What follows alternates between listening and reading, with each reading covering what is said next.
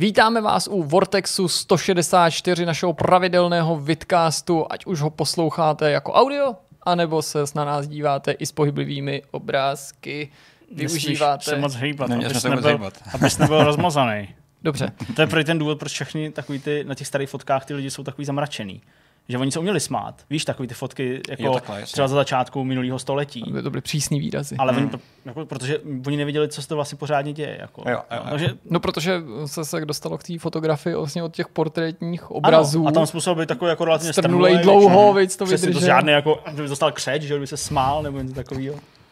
No, tak, eh, no jasně, vidcasty jsou plný Budeme se smát, budeme se smát. plný ale takovýchhle informací vždycky. Nebudeme se Tak tvářit. aby jsme zpříjemnili našim divákům či posluchačům jakýkoliv den, který si zvolili pro poslouchání našeho pořadu, kluci, co jste si připravili tentokrát za témata?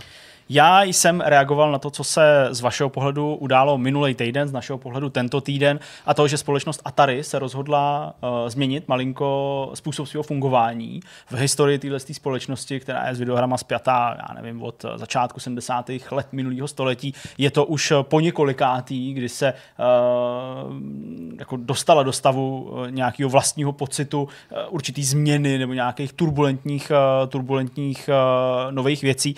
A na to jsem se rozhodl jako zareagovat tím svým tématem, takže se dostaneme k tomu, o co vlastně jde, eh, tedy co společnost Atari oznámila, to nechci tady jako týzovat, ale eh, bral jsem to jako takovou příležitost si jako připomenout tu skutečnost, že Atari rozhodně není společnost, která by stála klidně na svých čtyřech nohách hmm. a nechala se jen tak jako hmm. líně uh, ovývat nějakým větrem, ale že kolem ní se toho vždycky dělo strašně moc a rozhodně ta minulost té společnosti není uh, tak jednoduchá a tak, uh, tak zářivá, jak hmm. se třeba může s ohledem na ten obrovský odkaz, který z Atari přichází, zdát. My ale nebudeme vzpomínat jenom na doby dávno minulé, případně nějakou zašlou slávu. I když svým způsobem vlastně taky prostřednictvím Petrova povídání o hře Paradise Lost. Tak tak, budeme vzpomínat na hru, kterou jsem hrál minulý týden, uh, kterou jsem si nechával pro tohle povídání.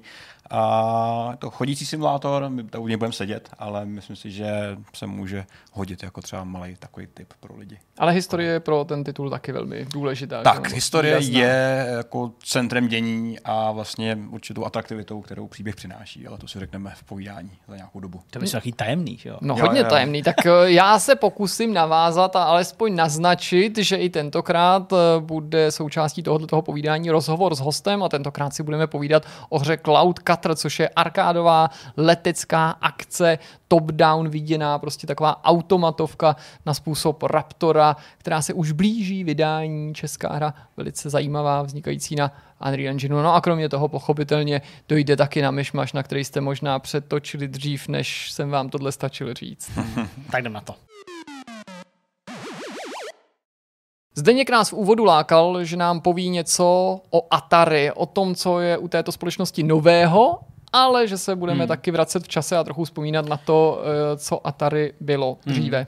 Uh, ta historie téhle společnosti je strašně spletitá, takže já vlastně úplně nechci z tohohle z toho udělat nějaký vzpomínání. Uh, myslím, že i ten příběh je relativně známý pro lidi, kteří se aspoň trochu o hry zajímají. Takže jenom vypíchnu takový určitý body, jenom bych jako načrtnul, co se vlastně s tou společností dělo. Ale uh, ten důvod, proč se o tom bavíme, tak teď už to můžu říct a minimálně uh, předeslat to, o čem se budeme povídat v závěru a do čeho bych i vás rád zapojil, uh, tak ten důvod spočívá v tom, že společnost Atari v té aktuální svojí podobě, tedy můžeme třeba říct, uh, co by výrobce Atari VCS, nebo uh, společnost, která přednedávnem oznámila, že chce rozjet síť hotelů po Spojených státech, které budou inspirovaný hrama od Atari, budou to herní hotely, nebo společnost, která taky má nějaký kasína, označovaný jako Atari Casino. Tak tahle společnost se teď rozhodla, že ustaví dvě nové divize. A nevěřili byste, jedna z těch divizí je herní divize. Normálně divize gaming, Atari Gaming. Uh, tenhle ten název uh, v různých obměnách Atari Games, Atari Gaming se objevoval už v minulosti a uh, součástí té tiskové zprávy je i zájem se prostě vrátit k vývoji her pro PC a konzole, což mě samotně překvapilo a tam budou určitě směřovat ty moje dotazy na vás, co si o tom vy myslíte. Ta druhá divize, ta druhá nová divize je divize Atari Blockchain, uh, tedy nový trend, nebo ne tak nový, ale minimálně v tuhle chvíli velice populární záležitost, tedy uh, kryptoměny, blockchain, NFT tokeny a tohle všechno chce společnost Atari nějak uchopit, mm. nějak se k tomu postavit a i k tomu přicházejí nějaký detaily, bez ohledu na to, že Atari token uh, už existuje, má nějakou hodnotu a my si povíme, co by Atari s tím chtěla mm. udělat. Takže myslím, že celkem takový jako zajímavý multitéma. Já se ale vrátím úplně k té historii a jak říkám, nechci být Wikipedie, takže nebudu tady úplně to přečítat všechno, jak to šlo, ale nějaký důležitý body.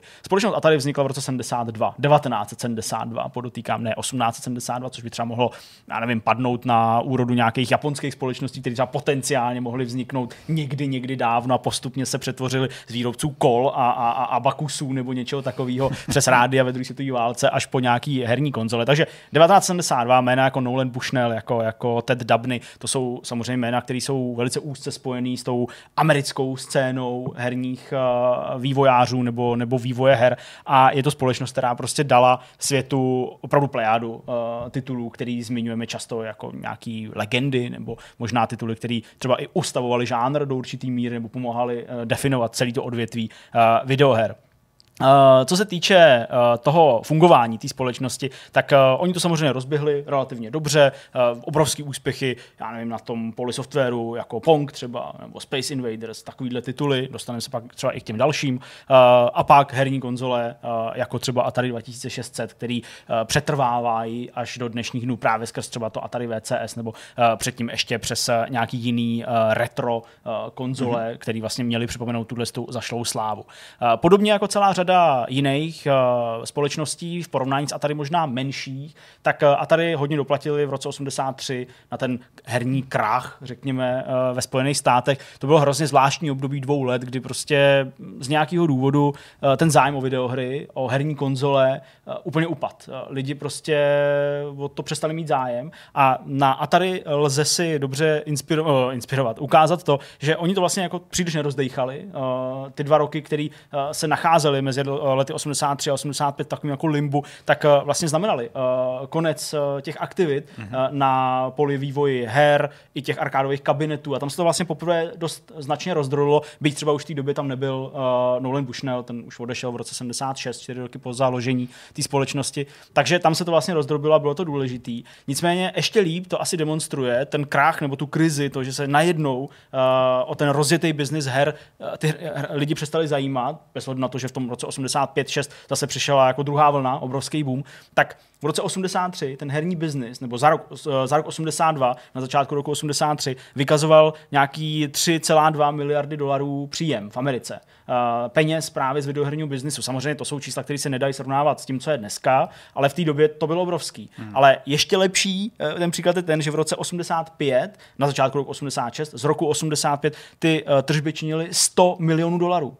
To byl 96,9, 97% pokles uh, v tržbách z prodeje her a herního nějakého hmm. hardwareu. Takže uh, to bylo šílený a prostě pro společnosti třeba i mnohem menšího uh, kalibru, než bylo Atari, to prostě znamenalo nějaký konec. Uh, jak říkám, platilo to i pro Atari. Bushnell už tam nějakou dobu vůbec nebyl v té společnosti, protože on ten svůj podíl prodal společnosti Warner Communications, odsud vlastně, říkám, už začíná to rozkročení toho, co vlastně Atari je nebo co bylo. A co se týče té tý konzolový a počítačový divize, tak tu si zase koupil Jack Tramiel, eh, který jí vlastnil eh, hroznou dobu, vlastně strašně, strašně let a zbavoval se jí až po začátku nového tisíciletí. Mm-hmm kdy vlastně chtěl odejít z té společnosti i se svojí rodinou, protože už to nebyl on sám, Jack Tramiel, ale i jeho eh, vlastně mm, potomci, který vlastnili nějaký části Atari. Uh, jenom taková jako perlička, tak Jack Tramiel, uh, když si koupil tu konzolovou a počítačovou divizi Atari, uh, tak odcházel z Commodoru, uh, zase z jiné společnosti, hmm. která taky nezažívala v tu dobu nějakou, nějaký úplně jako skvělý, skvělý moment své vlastní historie. Warneri nebo Warner Communication, ty si nechali tu divizi z herních automatů. V té době tomu ještě stále uh, věřili, uh, že je to prostě nějaká budoucnost. Nějakou dobu to samozřejmě platilo u nás s nějakým uh, převisem historickým, třeba vzhledem k tomu, že se to k nám dostávalo trochu později, tak to uh, mohlo takhle působit, ale uh, ti si to nechali. No a provozovali ji dál jako Atari Games, uh, mm-hmm. jako, jako společnost, která prostě se zaměřuje na ten herní biznis. V roce 85 uh, s krachem, nebo respektive s končícím krachem těch videoher v Americe, jí ale prodali Namku. Uh, zjistili během těch dvou let, že asi to nebude nebyl úplně lukrativní biznis, Namco potom, Namco potom skočilo a došlo k tomu teda rozdělení, že vlastně Atari Corporation patřila Tramielovi a ta herní divize patřila Namku. Byly to dvě oddělené společnosti. Pak vlastně ruku v ruce pořád, ale vyvíjeli úspěšně či méně úspěšně nějaký další konzole, nějaký další věci. Ono se to hodně prolíná, těžko tam najdeme nějakou jednu časovou osu, protože něco vznikalo tam, hry, něco vznikalo na druhé straně jako ty, jako ty konzole. Takže nejdřív přišla myšlenka na omlazený Atari 2600 Junior, věc, která se jim zdála jako mm, sázka na jistotu, něco, co by mělo vrátit tu nostalgii a ty hráče k tomu dostat. Je zajímavý, že vlastně tohle se dělo nějakých 6 let po uvedení Atari 2600. Mm-hmm. Přišla první nějaká snaha vrátit tuhle konzoli. Zajímavé je, že vlastně to, to je pořád ta stejná strategie. Furt, furt dokola no, se to... Ne, nejen teďka, že jo, tak ono ani to VCS aktuální není, není zdaleka není prvním první. pokusem mm, o nějaký comeback. tam Flashback, pak Flashback Portable, konzole, které vlastně vycházely z té jako už v té době zašlý slávy, nebo hmm. minimálně jako zacházející slávy. Čili je vlastně zajímavý uh, sledovat, jak se ta Atari k tomu jako pořád křečovitě vrací. A často s různýma lidma, jako s různým Určitě, zástupem. To, je to, to jsou různé společnosti. Že se neopakuje jeden člověk a nějaký jeho, jako nějaká jeho dlouhodobá vize. Ale vždycky přijde někdo nový hmm. a řekne si, hm, tak pojďme zkusit znovu to samé, co nevyšlo před pěti roky. Navíc je otázka, jestli ta nostalgie těch lidí po těch skutečně raných titulech je tak velká, jak si ty samotné společnosti myslí, tak. nebo možná hmm. dokonce jak si někdy samotní pamětníci nebo ty hráči můžou myslet, protože ono se to nezdá, ale rozdíl mezi těma úplně prvníma konzolema, nejen od Atari, a konzolema prostě z úrovně NESu, a třeba Master System Jasně. je propastný a opakovaně se ukázalo i na nejrůznějších těch licencovaných nebo neoficiálních mini retro konzolích, že zatímco odnesu nahoru už to pro většinu hráčů nebejvá problém si zavzpomínat, a nebo si to dokonce zahrát, ačkoliv nejsi pamětníkem a nehrál si to, když to bylo aktuální, tak čím více vracíš hlouběji do minulosti, tak tam je takový jako opravdu výrazný schod a pro lidi to problém jako bývá. Určitě jo, nepochybně. Uh, bohužel Atari se uh, příliš nedařilo ty další konzole těm hráčům prodat nebo uh, je uvízt ve správný čas uh, na ten trh, kdy to bylo potřeba, takže přes uh, ten neúplně uh, úspěšný pokus uh, dostat ven omlazený Atari 2600 přišlo Atari 7800, ale pak asi známější určitě Lynx a pak Jaguar, jakožto ta poslední konzole, uh, která prostě nedokázala konkurovat konkurovat těm ostatním konzolím, které v té době na trhu byly. A to je vlastně to období, kdy uh, Tramiel měl už zvažovat to, že teda z té společnosti bude odcházet, že už uh, hledá kupce pro ten svůj uh, ne podíl, ale vlastně pro tu svoji společnost, pro tu mm-hmm. Atari Corporation, kterou nakonec našel, nebo který ho nakonec našel, uh, JTS Incorporated, a to byla společnost, která ale úplně umírnila uh, právě na tom přelomu tisíciletí aktivity uh, Atari a de facto se dá mluvit o tom, že v tu chvíli poprvé Atari jako zmizelo z toho herního světa, nebo minimálně nebylo aktivní a drželi se akorát těch licencí, případně prostě nějakého zájmu uh, drobných vývářů k tomu uh, vrátit se k některým těm slavným hmm. hrám a tenhle ten uh, pattern, tenhle ten vzor se tam opakuje. JTS v roce 98, takže jsme už tedy, jak říkám, velice blízko tomu tisíciletí, tak prodává značku Hasbro za pouhých 5 milionů dolarů. No, prostě už to byla úplná schránka. Jsme se mohli složit. No, v podstatě skoro jo. Bylo to hrozně malinko hmm. a ani pro Hasbro to prostě nebyla žádná jako výhodná investice investice, respektive oni s tím příliš eh, parády neudělali. O dva roky později prodávají společnost, eh, společnosti Infogrames a ti drželi tu společnost poměrně dlouho. Eh, dokázali vykřesat právě ty nové jako pobočky, nebo minimálně přejmenovali tu evropskou mm-hmm. na, na Atari Euro, přejmenovali svoji americkou na, na, na Atari Games a vypadalo to, že jako se tam zase vrátí zpátky, uh, zpátky nějaký ten duch uh, toho vývoje. To znamená, oni vzali na, na svoji existující infrastrukturu a navázali. Vlastně na, vzali ten, přijali ten název Atari. Přesně tak. Přebrandovali se kompletně. Oni se jako přebrandovali, je to tak, a vlastně ty pobočky, které měli doposavat, uh-huh. tak uh, spojili s tímhle s tím, uh, s tímhle s tím velkým brandem. Vlastně dává docela smysl, jako, že to není úplně nelogický krok. Určitě, určitě. Podstatný ale je, že my se tady vlastně pořád bavíme o tom Atari uh, Incorporated toho Tamriela, ale pořád tam byla ta část, kterou vlastnil Warner, uh, ty jako původní Atari Games, řekněme, a pořád to vlastně byl takový jako dvojkolejný uh, proces, než se to uh, spojilo před několika lety de facto uh, zase zpátky do jednoho, uh-huh. ale zase tomu předcházel nějaký bankrot. Takže vlastně mezi tím, co jsem tady popisoval tyhle věci, tak uh, vlastně uh, Time Warner Interactive uh, tu firmu uh, si přejmenoval právě, aby se jmenovala, respektive takhle, Warner si to přejmenoval na Time Warner Interactive, takže uh-huh. Atari Games tam jakoby nefigurovalo. V roce 96 2006 uh, ji prodali společnosti WMS Industries, který vlastnili Midway, uh, takže ten uh, majetek Atari, uh, už teda nejmenovaný Atari, se dostal pod Midway. Uh, ti si zpátky přejmenovali tu společnost na Atari Games, takže tam se znova, uh, znova objevili Atari Games, ale Midway v roce 2003 prostě skončili a s nimi i to Atari, takže uh, to byl takový jako druhý krach na druhý koleji, uh, kdy vlastně Atari jako znova nebylo uh, v tom herním spektru a čekalo se, co vlastně se bude dít ze strany Infogrames, který od roku 2001 vydali pár nějakých her, uh, jak už jsem říkal, přeměnili si názvy těch, uh, těch společností, uh, vyráběli ten Atari Flashback, uh, tedy tu retro konzoli svojí, uh, na který chtěli uh, ty hráče znova jako upoutat, hrát ty, hrát ty staré uh, tituly, ale v roce 2013 z ničeho nic, oni vyhlásili bankrot. Aha. A tam už vlastně uh, byly v limbu obě ty části té společnosti. Uh, ležely někde v prachu, uh, nikdo se o ně příliš nezajímal, byť právně pořád uh, logo, značka mm-hmm. uh, a tak dále, vlastně i ty licence existovaly. A v tom roce 2013-14 si uh, tu společnost ze země vydupal, uh, a už vlastně nemůžu říct, uh, CEO aktuální, uh, Frederik Šesené, uh, protože i to je jedna z těch změn, kterou přináší ta aktuální zpráva. Nicméně, on to na přelomu roku 2013-2014 vydupal ze země a napojil to na ty kasína, jak už hmm. jsem tady hmm. zmiňoval. Eh, čili on měl vlastně eh, pod svojí zprávou všechno, co patřilo Atari ve smyslu těch licencí, ve smyslu toho odkazu pořád, hmm. to logo mohl používat, ten název mohl používat, ale neměl ambice dělat videohry, hmm. alespoň pro nějakou dobu. Takže to napojil na Atari kasína a vytvořil, uh, vytvořil uh, nějaký nápad, že by se mohli vrátit k té Atari Flashback konzoli a tím vstoupit poprvé nenápadně eh, zase zpátky do toho herního, uh, herního segmentu, ale tentokrát přemýšlel jinak v tom roce 2016, že to nebude uh, klasická konzole, kterou byste si v té retro podobě v nějaký pardon, zmenšený připojoval k nějaký televizi, ale bude to portable, že? bude to hmm. přenosný a to bylo něco, co se mu jako líbilo a co taky vůbec nevyšlo. A proto v roce 2017 ty všechny plány, který s eh, Atari Flashback Portable měl, přetavil v to Atari VCS, o kterém jsme se tady bavili, oznámili tu konzoli v roce 2017 a začátkem letošního roku uh, už uh, začali opatrně mluvit, že snad na konci jara ji budou moci prodávat veřejnosti,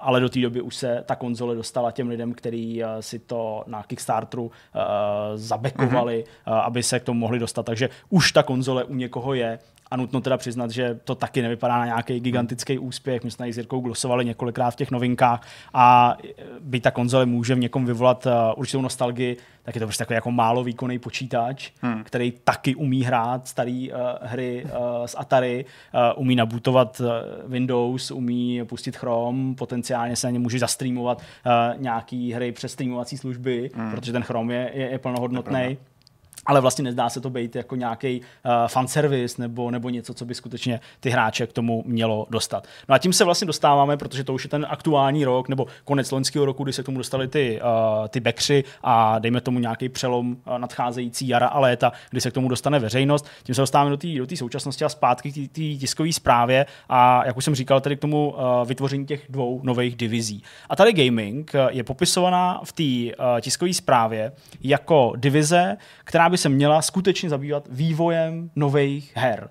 Uh, to je překvapivý, vzhledem hmm. k tomu, že doposud prostě Atari těžili z toho dědictví. Uh, to licencování těch uh, titulů, licencování těch her uh, vývojářům, který o to projeví nějaký zájem, případně nějaká určitá pomoc s tím vydáním, tak to je prostě něco, co je pořád aktuální. Ale oni opravdu tam zmiňují, že skutečně nad rámec free-to-play her pro mobily, který Atari uh, vydává v této době nebo, nebo vyvíjí sama, tak že opravdu chtějí dělat hry pro PC a konzole. I nové značky? No, Mluví se o revitalizaci starých značek, Jasně, ale prostě obecně o vývoj her pro PC a konzole. Můžete si představit, že jako Atari začne najímat samo pro vlastní divizi nějaký skutečný vývojáře a začnou jako dělat nějaký vlastní hry, i kdyby to třeba měly být neříkám jako remastery, to je blbost, že jo, nemůžeš remasterovat hry z Atari 2600, hmm. ale, ale nějaký jako rebooty a jako moderní verze svých jako starých her. No, já si to představit neumím a upřímně řečeno si myslím, že jim k tomu, byť jim samozřejmě nevidím do karet, chybí to nejdůležitější a to jsou kromě zkušeností peníze, hmm. kromě těch lidí. Jasně. Myslím si, že ten nejoptimističtější scénář, pokud se neobjeví nějaký velmi solventní investor, je, že budou dál svý značky poskytovat jiným vývojářům a možná to zaštítí,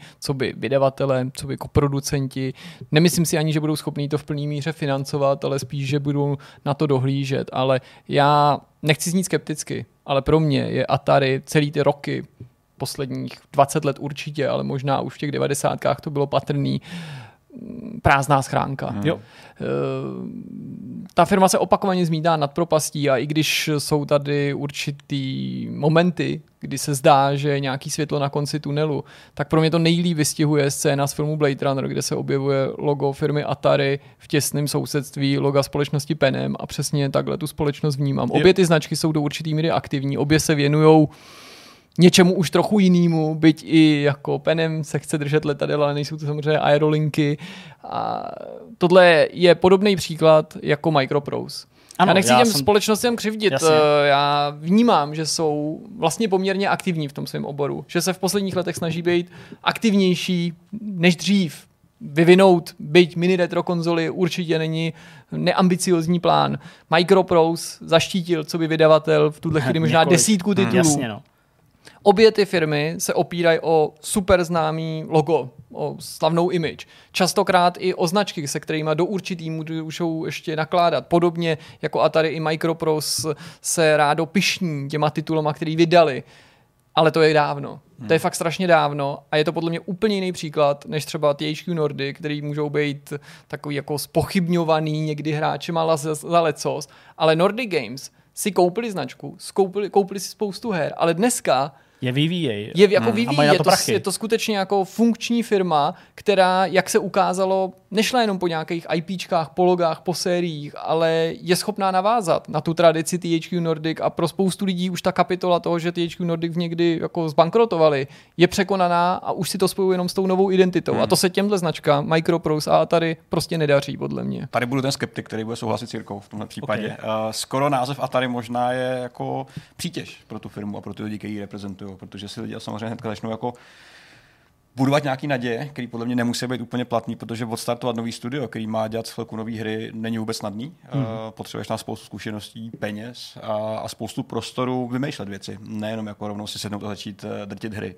Ta role vydavatele je možná jako příhodnější, protože přece jako vydavatel trošku méně riskuješ. Pořád musíš najít ty vhodné studia, ty vhodné hry, které budeš vydávat a na nich vydávat ty peníze, ale je to menší riziko, než když teďka naraveš 500 milionů korun do vývoje něčeho nového.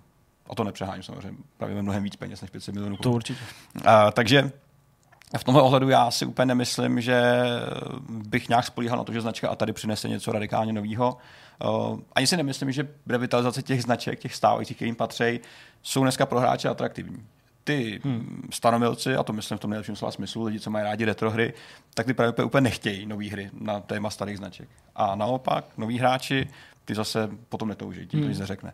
A jsou tady přitom Mě... společnosti jako, promiň, Bandai yes. Namco, který uh, nemělo takovýhle problémy, nemá takovýhle problémy a opakovaně se svý starý značky nebo ty klasické značky snaží křísit. Ne vždycky hmm. úspěšně, ale chci tím jenom říct, že mají za sebou těch dalších 20-30 let zkušeností, kdy dělají nové věci, staví i na těch starých a sami nejlíbí, jak je těžký na těch starých tak. stavět. Ale jak si řekl správně, Petře, já si myslím, že ta minulost je pro ně do určitý míry tou největší přítěží, protože Atari je příkladem společnosti nejen z těch herních, kdy tvoje legacy, tvůj odkaz, tvoje legenda je mnohem větší než tvoje přítomnost, respektive než je celá novodobá historie té firmy. Hmm. To, co Atari udělalo v 70. a první polovině 80. let, je ne nepřekonatelný, ale je mnohem víc, než to, co dělá od té doby. Takže hmm. to možná není už ani jenom 30 let, ale 35 let, možná o něco díl. Jo, chci tím jenom říct, jo. že prostě už příliš vody uplynulo od doby, kdy značka Atari skutečně hmm. něco znamenala. To, co jste, ten příklad s tím Namkem je dobrý, protože Namco ty hry oživuje průběžně. Eh, že tady neuplynulo 30 let od doby, kdy se to někdo pokusil eh, dát dokupy a, a vytvořit na základě nějakých z jejich značek novou hru. A navázat něčím teďka asi nebude úplně snadný. Um, na druhou stranu kolik těch značek a tady má docela dost, jo? takže no, je tam potenciál nějaký materiál, který Ale... může být zajímavý a třeba i vhodný pro mobilní hry, přece to je hmm. taky místo, kde se dá spousta věcí přepoužít. Když tam je právě to dráždivý, že prostě oni skutečně mluví o hrách pro konzole a PC Jasně. a jako v kombinaci s tou snahou revitalizovat ty své značky. Já si neumím představit, že opravdu z těch, uh, a většinou to jsou uh, ty legendární tituly pro Atari 2600, dělají něco moderního. Já, mm-hmm. jako, jo, pokud by to prostě neměla být nějaká jako malá hříčka, skutečně, mm. ano, toho mobilního charakteru, nebo prostě něco, co je fakt jako za pár doláčků, nebo za pár euro, jako nějaká arkádovka někde. Což už navíc zkoušeli, tak, ať už oficiálně, přesně. nebo někdo mm-hmm. A to nebyl žádný velký úspěch. Mm. Takže, takže jako co? Takže prostě jako uh, budeme mít nějaký moderní Space Invaders, nebo no, co uděláš s Pongem, nebo s Pongem, no. přesně, nebo já nevím, Combat, Demon Attack, Atlantis, Adventure, myslím, Asteroid, Activisionu. Uh, dokonce. Uh, Missile Command uh, a tak dál, to prostě jako jako uděláš něco z toho? Hmm, Neuděláš, hmm. jo? Prostě Nemá to váhu žádnou dneska. To už, to už příliš dneska nikoho nezaujme. Přesto to dělat chtějí. Uh, dál ta herní uh, divize Atari Gaming má se teda logicky starat o podporu Atari VCS, takže to, uh, nesnaží by to na ně přešlo, ale prostě je logický, že jako to bude jejich, nebo v jejich dikci, budou dál licencovat logicky svoje staré hry pro lidi, nebo pro vývojáře, který na tom pracovat chtějí. Chtějí podporovat herní odkaz, a to nejenom přímo ve hrách, ale i v segmentech mimo ně. A tady vlastně přichází doplnění, že Atari Gaming bude zpravovat ty hotely, které jsem tady zmiňoval v úvodu, a zároveň se bude starat o ty kasína. Pořád je to prostě něco, co jako zůstává, uh, hmm. zůstává spojený právě s touhle s tou jako herní částí. To mi ale přijde docela rozumný, jako ty, ty, ty hotely na téma jako... A to by to, to přijde jako, jako, jako, jako dobrý. to jako menší, nebo přijde mi to lepší, než se teďka snažit fokusovat na nové hry. Já nevím, jestli hotely, ale já si dokážu... A sloty jsou super vždycky. dokážu si živě představit, že víc peněz pokud by potom šli skutečně důsledně, by hmm. dokázalo Atari stávající vydělat na merči. Hmm. Jasně. Na oblečení, doplňcích, věcech dobytu, hodinách, nějakým nábytku možná dokonce, než na všech hrách. Nevím, hmm. jak hotely a kasíny hmm. do toho zapadají.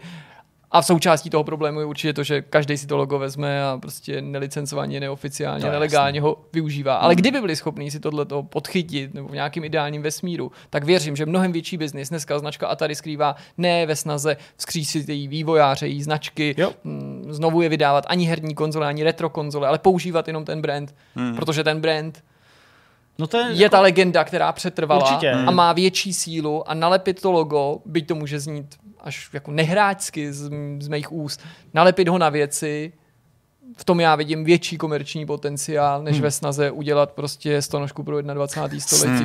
Hmm. No jo, já s tím vlastně souhlasím taky dost. Mě ty hotely nepřijde jako úplně blbý. Jo, jenom prostě nedok- já, kdo jsem, já nedokážu odhadnout ten potenciál. Mm. Já, já vůbec nemůžu představit, jako jestli to bude jako něco, co ty američani jako budou chtít a budou tam prostě se tam bukovat a jezdit a to úplně pomíním teď tu aktuální situaci ve světě, jo, to je jako, dávám na úplně Jasně, to. jako, to, to vůbec nehodnotím, protože ten nápad vznikl předtím, mm. jo, před koronavirem, ale budou to chtít, nebo tam budou prostě jako jezdit turisti, nebo, nebo to rozťápnou někam do Japonska a, a, a do Ázie a, a říká jim tam něco ta značka. Ale mně by se to třeba líbilo, kdybych cestoval do města, ve kterém by ten hotel byl, ten hotel byl, tak bych tam chtěl asi spát, hmm. pokud by to bylo mm, jako Jasně, smysluplný bude... ve smyslu peněz. Jasně, Představuji si, že to je asi jako podobný, jako když děti vezmeš do Disneylandu a oni budou spíš než ve Formuli 1 chtít spát uh, v nějakém hotelu inspirovaným nějakou prostě pohádkovou přímo, jasně postavou nebo princeznou nebo zámkem. Ale je tady strašně zvláštní paralela. A já si teďka nejsem schopen to vybavit úplně přesně, ale já jsem zmiňoval ten Penem, co by jinou vyprázdněnou značku, kterou se někdo opakovaně snaží lepit na právě třeba merch a jednu dobu to byla železnice nebo nějaký lokální aerolinky, kde si v horní dolní a zmiňoval jsem tu souvislost skrz toho Blade Runnera. Já myslím, že je to shodou okolností velký konkurent Penemu svýho času. Společnost TVA, která a omlouvám se, pokud se mýlim, ale myslím si, že jsou to oni, která provozuje na New Yorkském letišti hotel. Mm-hmm. Dobový historický hotel, inspirovaný lítáním, letištěma v 60. Mm-hmm. letech. A nepřijde vám to jako zajímavý, že je to jiná slavná značka, v tom případě ne teda Pene, myslím ne, si, no, že to je TVAčko, a že se taky vlastně uh, te, jo, ta značka jako... jako aplikovala na ten hotelový mm. biznis. Čímž neříkám, že hotelový biznis je ta spása, ale že vlastně jiná firma, nebo nástupnická firma, nebo někdo, ke komu se ten brand dostal, taky jako asi možná sní o tom, jak by měl aerolinky, teď možná děkuje bohu, že je nerozděl v tuhle dobu, ale dobře ví, hmm. že hmm. ty prachy můžeš s tím logem udělat, když ho začneš lepit na něco Hmm. úplně jiného. Myslím si, že není náhodou, kolik merče právě třeba Penem dělá a tak. Hmm, No tak uh, uvidíme, kam se teda tyhle ty herní, byť eh, třeba nenutně přímo in-game nebo herní věci dostanou. No ale ještě ta druhá divize, to znamená tedy Atari Blockchain, uh, to je zajímavý, uh, zase těžko úplně odhadnout, jaký to má potenciál, uh, protože Atari má vlastní token, uh, má vlastní kryptoměnu, která se prostě jmenuje Atari, uh, momentálně má hodnotu asi půl dolaru, uh, takže... Takže je jako- čas nakupovat. Možná. Eh, Zajímavý je, že oni samozřejmě to chtějí jako rozjet ve velkým, eh, takže vzletně v té tiskové zprávě mluví o tom, že by to měla být měna, která by eh, se stala metodou kupování interaktivního zábavního obsahu. Eh, Nenutně tedy jenom produktů hmm. od Atari, ale prostě jako asi obecně, to nevím. A nakolik- tady zařaď se do fronty stovek dalších Přesně. uchazečů a zájemců o Přesně. něco podobného, Tohle- Tohle... takový standard. Nejsem vůbec jo, jako vzdělaný ve smyslu kryptoměn, ale to, že to je jako herní kryptoměna, to je jako pro ně jako No, chápu. ta no. jako catchphrase, jo, ale otázka je teda, jak, jak, by to bylo, jak by to bylo zábavný nebo, nebo zajímavý samozřejmě i jako finančně. Uh, řešit ty NFT tokeny, jak jsem říkal, uh, a chtějí taky uh, proskoumávat možnosti uh, her, které by byly postavený právě na jako hmm. blockchainové ekonomice. Jo, už se to už na se těch zkouší, že Atari coinech. S tím může se experimentovat Jasně. nějakou dobu a právě jsem chtěl zmínit, že to je docela jako logická symbioza. Mít na jedné straně hry, na druhé straně divizi, která je taková jako víc, víc bokem, ale přesto může být nějakým způsobem použitelná jedna pro druhou. Přesně. Uh, takže no, no, ale zase současně jako je to jeden velký experiment teďka, která z Hlavně her, ta konkurence je hrozně jako velká. No. a je Že mnohem prostě- rychlejší podle mě, že i tehle prostě který se musí pohybovat strašně rychle. Hmm. Jakože zvlášť ty kryptoměny, který vzniká hromada, to všichni víme. A každá cílí na trošku něco jiného, na trošku jiný systém hmm. nějakého majnění a podobně. A tady podle mě není úplně často prostor pro velké firmy, které mají nějaký dlouhodobý plán, že to je často velmi jako organický a agilní. Hmm. A, takže i to může být možná trošku problém. A nebo pro, problém pro firmy, který prochází opakovaně nějakou transformací Tak, a možná má větší šanci na úspěch někdo z garáže, někdo dravej, někdo, kdo bude riskovat, kdo není prostě svázaný Ano, konvencema než společnost, která se opakovaně snaží nacházet nějaký nový obchodní příležitosti. Hmm. A já neříkám, že to je z její strany volání o pomoc, no tak asi ví, jako proč to dělají. Nechci znít jako extrémní skeptik, ale tyhle věci málo kdy prorazí jako někdo takhle, kdo si to jako vysní, hmm. jako organizovaně. Právě ta decentralizace těch věcí bývá tím klíčem k tomu úspěchu, Rozhodně, než no. když zatím někdo stojí, A- i když je to třeba Atari. Jasně. No, uh, mě jakoby ten uh, potenciální úspěch, spíš nebo neúspěch, dejme tomu, toho TT uh, kryptoměny od Atari, vlastně připomíná takovou tu situaci, kdy uh, máte v ulici řeznictví, který je tam 100 let, má tradici, chodíte tam třeba i, Hmm.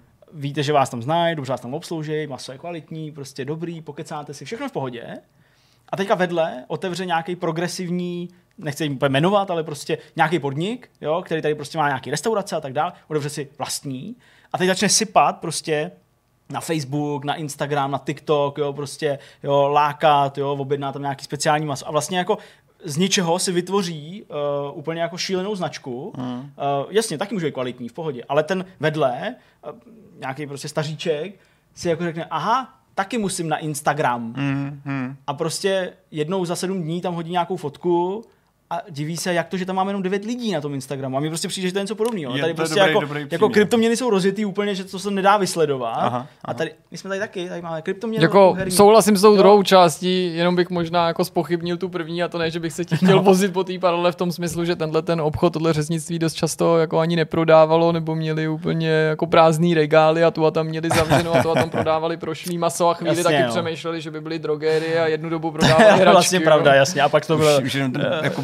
biznisový erotic záměr, shop. když ti tady teďka jako Atari říká, že má hotely, tak chce dělat hry jak nějaký blockchain, tak to už samo se působí No. dost jako děsivě, že? Uh, a tady to má zkoumat až do té míry, že chce eh, potenciálně z divize a tady blockchain udělat vlastní společnost, nějakou další, novou, jinou společnost, že prostě Wow. to jako chtějí jako oddělit. Bude prostě tu hodně úspěšná, potřebuje Takže prostor. uvidíme, jak to dopadne. No a ta poslední zpráva, tu už jsem taky předznamenal, je ta skutečnost, že se mění i to nejvyšší vedení a ten CEO uh, Frederik Šesine, který, uh, jak říkám, vlastně ujal se Atari a uh, dělal s ní všechny tyhle věci až do té současnosti, tak uh, se stane CEO té blockchainové divize, nebo ředitelem v tuhle chvíli teda té blockchainové divize a že- potenciálně CEO nějaký jiný společnosti, která z toho vznikne a jeho místo, tedy uh, šéfa celého Atari Corpu aktuálního, vezme uh, dosavadní uh, předseda výkonné rady Atari, uh, který se jmenuje Wade J. Rosen. Uh, v tiskové zprávě samozřejmě si vymění komplimenty a jak se o sebe učili a jak je to velká příležitost mm-hmm. a jak stojí na Prahu nové éry Atari a všechny tyhle věci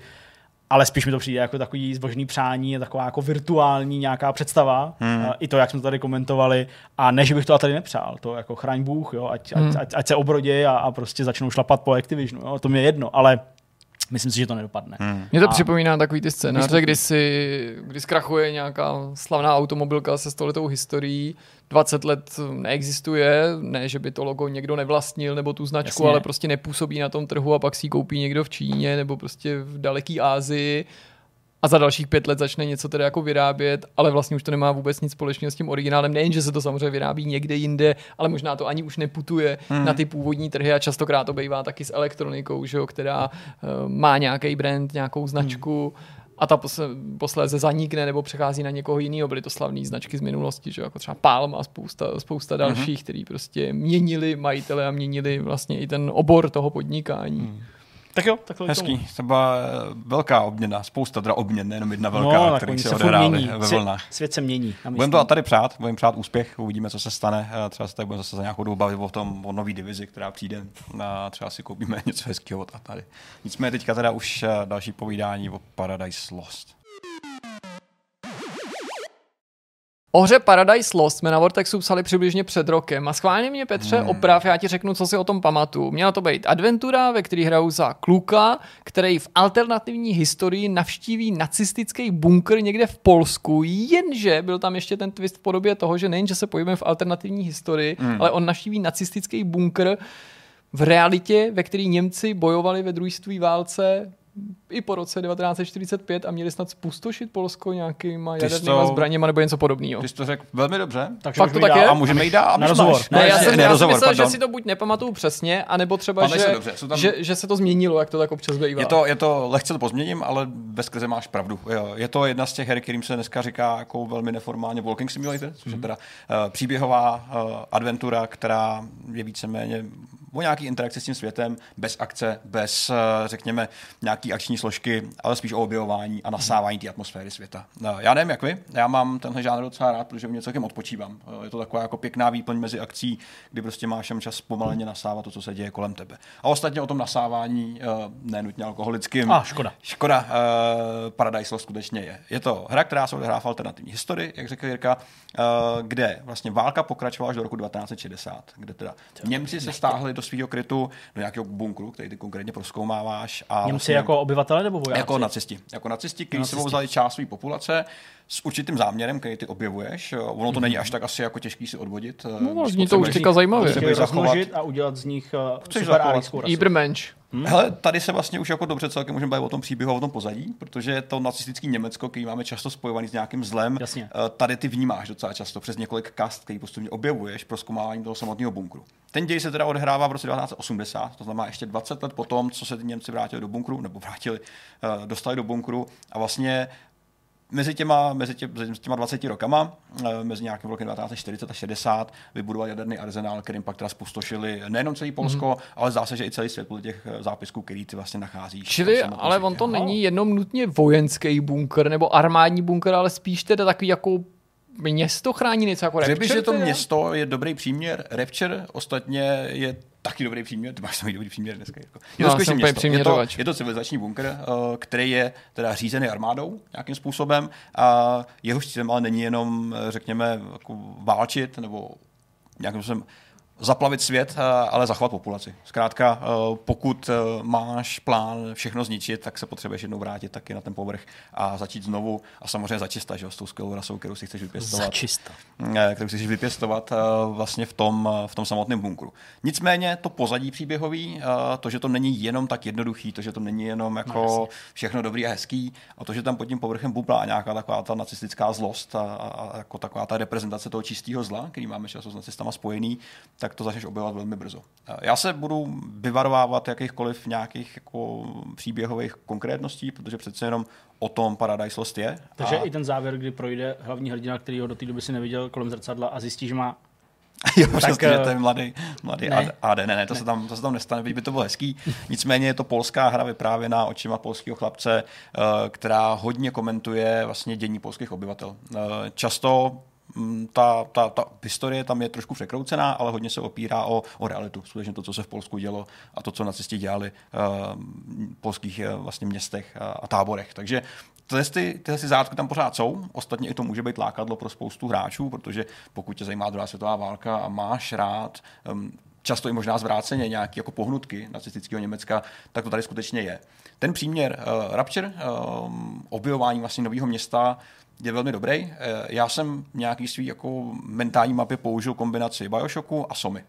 Mm-hmm. Soma je pro mě jeden z nejlepších uh, thrillerů, jeden z nejlepších, možná i hororů, ne úplně nutně hororů, ale jako dramatický her. Já nechápu vůbec. To by se nelíbilo? Já to vůbec nechápu, kde se bere tohle jako okouzení. To je pro mě a? jako Enslaved. Pro někoho Enslaved úplně nejlepší, prostě a? jako kooperační akce, jako, taková jako, aha, ne, ne, kooperační, ale jako, že s AI kompanionem a prostě a já, já, já jsem prostě kouzlo somy taky... jsem nikdy nepochopil. Mm, Mně se tak líbilo. Já jsem to no. odehrál, ano, nebylo to blbý, líbilo se mi to, ale prostě vůbec nechápu, jako já jsem tam žádnou genialitu neviděl, ale to je jenom já jako genialitu bych taky asi neřekl, ale líbil se mi ten... to za nejlepší horor. To jsem řekl. Teď jsi řekl, no, jeden, nebo možná nejlepší, nebo tak něco si řekl. Je z nejlepších, no. no, nebo, no. Což je, no, tak vlastně asi jo, tak je to nejlepší. Ale OK, no jasně. Nelíbil jsem, líbil se mi. Možná si použil slova jako spasitel, skvělý, prostě na nebe vzetí. Prostě. Jo, jo, jo.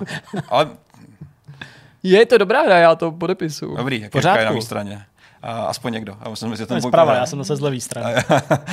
Nicméně eh, ten příměr používám víceméně proto, protože stejně jako v Somě, kde si se vlastně prokopával hluboko vlastně v té stanici, jako a čím hloubější, tím jako depresivnější to prostředí bylo, tak i tady svým způsobem ten, ten, ten příběh rozvíjíš tím, jak hluboko jdeš v tom samotném bunkru. Jasně. Tak ty jednotlivé patra, eh, které jsou vlastně rozdělené kapitolama, mm-hmm kapitoly jsou pojmenovaný nějakým jako mentálním pochodem toho Šimona, což je chlapec malý, který se do toho bunkru dostane po tom, co mu uh, zemře máma. To není spoiler, to je začátek hry. S tímhle s tím ty vykopáváš vlastně ty zážitky. Tak uh, objevuješ ty, objevuješ vlastně ty. A ten kluk asi není žid, ne? Protože má hebrejský jméno, ale tak mi to zaujalo. Nebo, nebo má to být Upřímně, žid? to jsem, nevím, jestli jsem se toho dočet, mm-hmm. nebo jsem to studoval a nedokážu asi odpovědět. Okay, uh, okay, mě to jenom tak napadlo. Jakože, nebo myslím si, že Šimon je hebrejský jméno, ale možná se mýlím, tak mě to jenom napadlo, protože že jo, tak to, to otázka toho holokaustu teoreticky by tam taky mohla být. Povídej, Tady jedna, jedna z věcí, u které začínáme narážet, tak uh, mluvil jsem hodně o tom světě, který je takový hezky vymodelovaný, uh, v řemeslně velmi pěkný. Zdá se, že na tím někdo jako strávil spoustu času, aby uh, tu je. Je, okay. Ten kluk přímo, je, je žid. Ne, to ne, je, je, to, je, to, je to hebrejský jméno. Jo, jo, já si řekl okay. no jasně, jo, to tak, jsem si tak myslel. možná, možná bude. Uh, ono to nic moc nezmění pro nás v tuhle chvíli. No, uh, tak na té architektuře světa si dá někdo extrémně záležet. Uh, environment design nebo level design jako takový je fakt výrazný, fakt pěkný.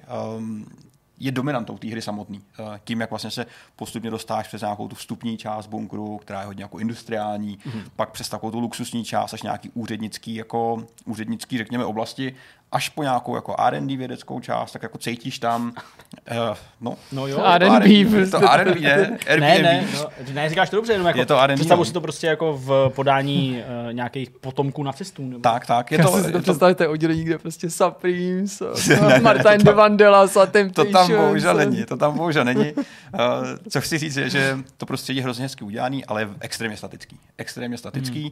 My jsme u těchto z těch, u toho z toho žánru, toho Walking Simulator her, hodně zvyklí na to, že toho vlastně moc nenabízejí, kromě atmosféry a kromě nějakých jako vyprávění. To je souhlas, no. Tady bohužel polský studio, který tu hru vyvíjelo, asi ještě trošku ubral. My víme, že šlo co Nic, nic, nic. On má za očima nějakou, nějakou ne, za očima, to já nevím, co, já nevím, co tam je. Za sklivcem. To, nějakou, nějakou to, to já mám možná ten slepecký pohled, protože se ti to zdám, či špatně vidím. Mrtvý uvnitř, a se směje tak nějak jako ze, ze stresu.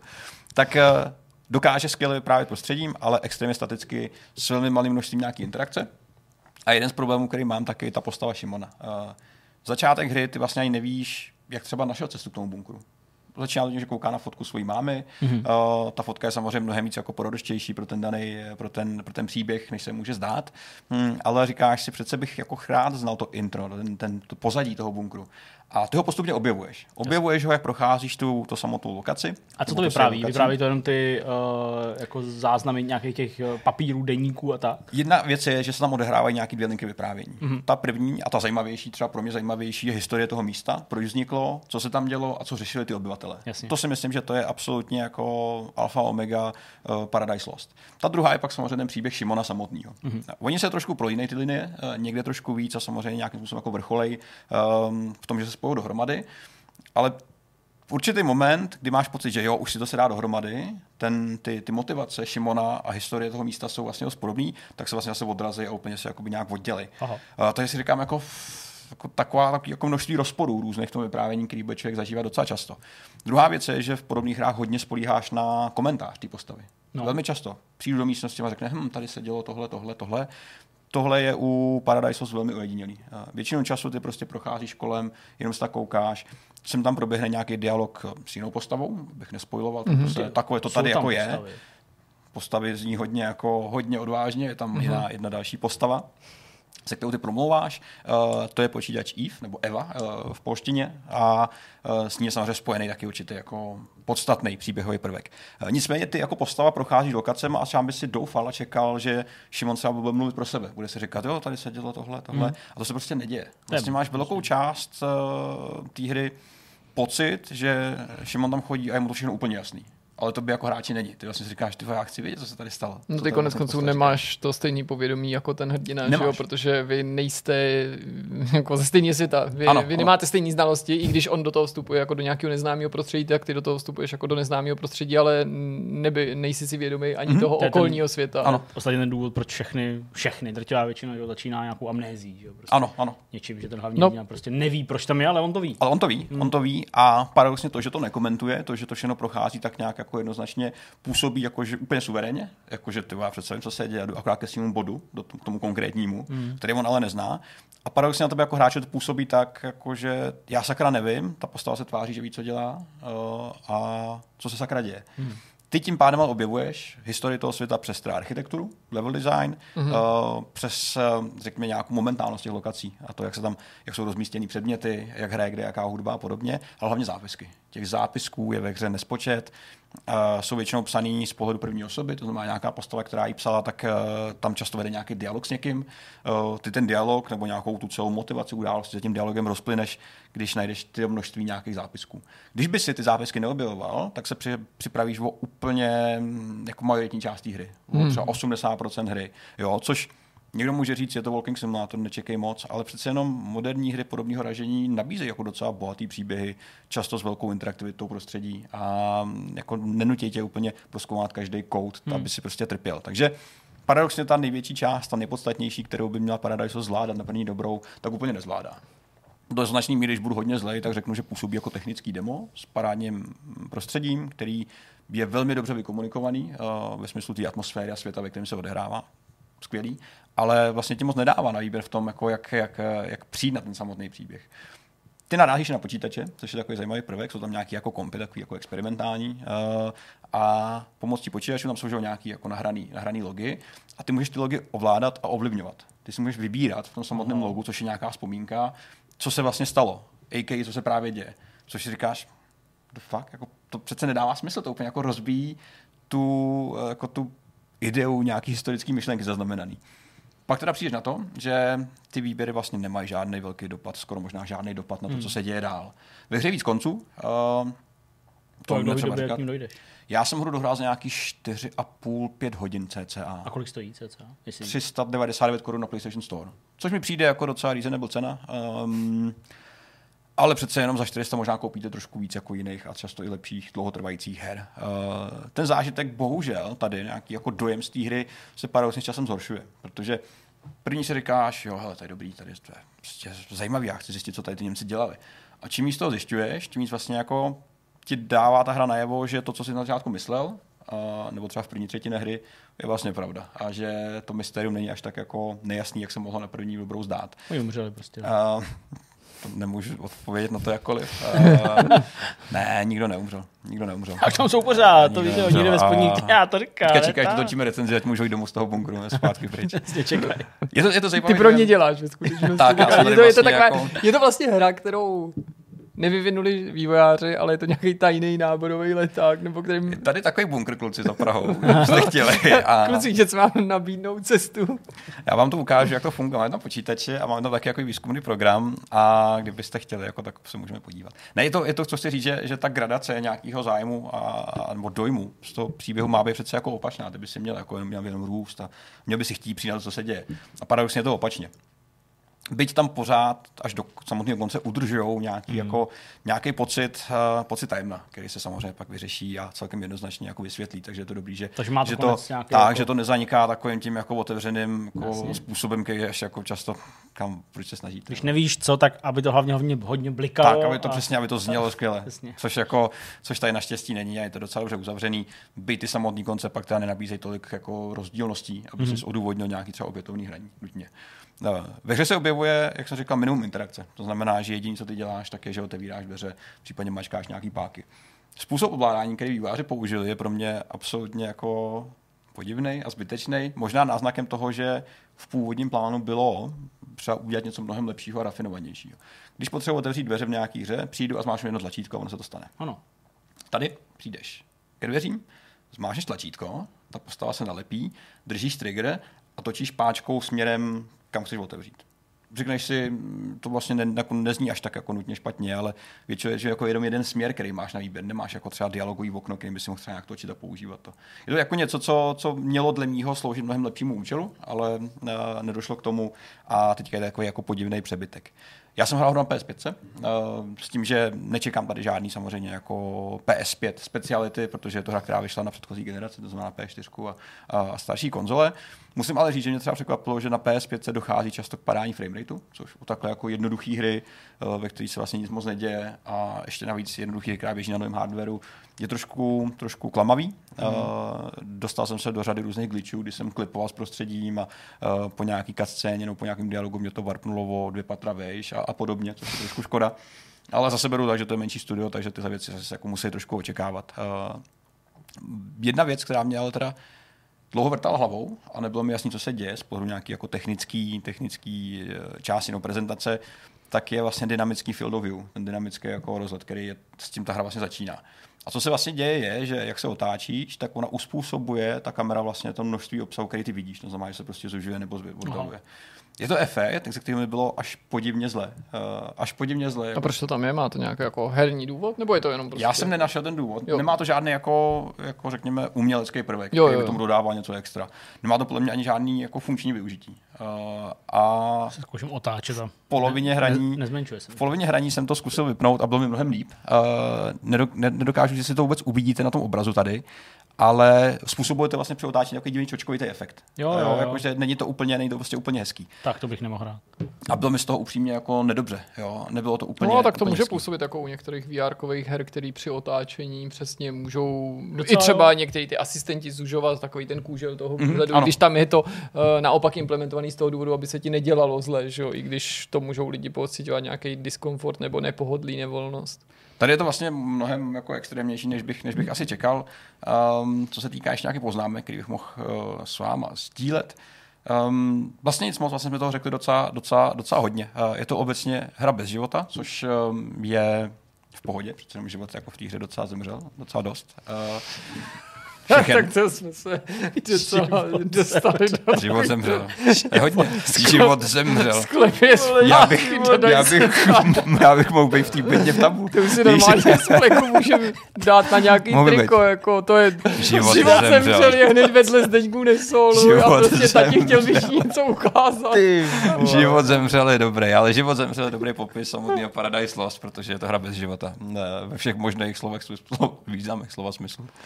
Tom jako dobrým, tom příběhovým, protože ty objevuješ, proč co se s tím životem stalo a proč teda zmizel, proč zemřel, abych byl přesnější. Mm. Ale je to i hra, která obsah, jako neobsahuje duši. Eh, je to taková schránka, uh, velmi jako pěkná, vyhlazená, bez nějakého konkrétního obsahu. A myslím si, že naše nároky pro tenhle typ her už jsou mnohem jako jinde, jsou mnohem, mnohem řekněme, pokročilejší.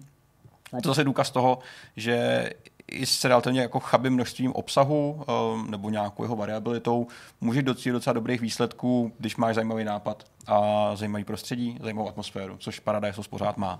Na druhou stranu, kdybych se měl, eh, kdybych měl vyjádřit tu spokojenost s nějakým číslem, eh, který reflektuje tu skutečnost, o které jsme se bavili, to, že to je hra za 400 korun, to, že trvá 5 hodin, to, že je relativně čerstvá, má problémy, který má, tak jsem měl třeba jako kolem 5 z 10, když se bavíme v tomhle tom žánru. Tady je spousta jiných her, který... Stejně jak by byl benevolentní. Ty bys si chtěl šest? No, já jsem Ne, si to- typoval to byl- šest. to jo, zádama jsem si typoval šest. D- Šesta chápu, protože jsme se hodně bavili o tom světě, hmm. ale ten působí to- dobře nějakou dobu. Chápu. Um, na druhou stranu jsem přesvědčený, že spousta lidí, co má rád tenhle žánr, tak je hodně promývých.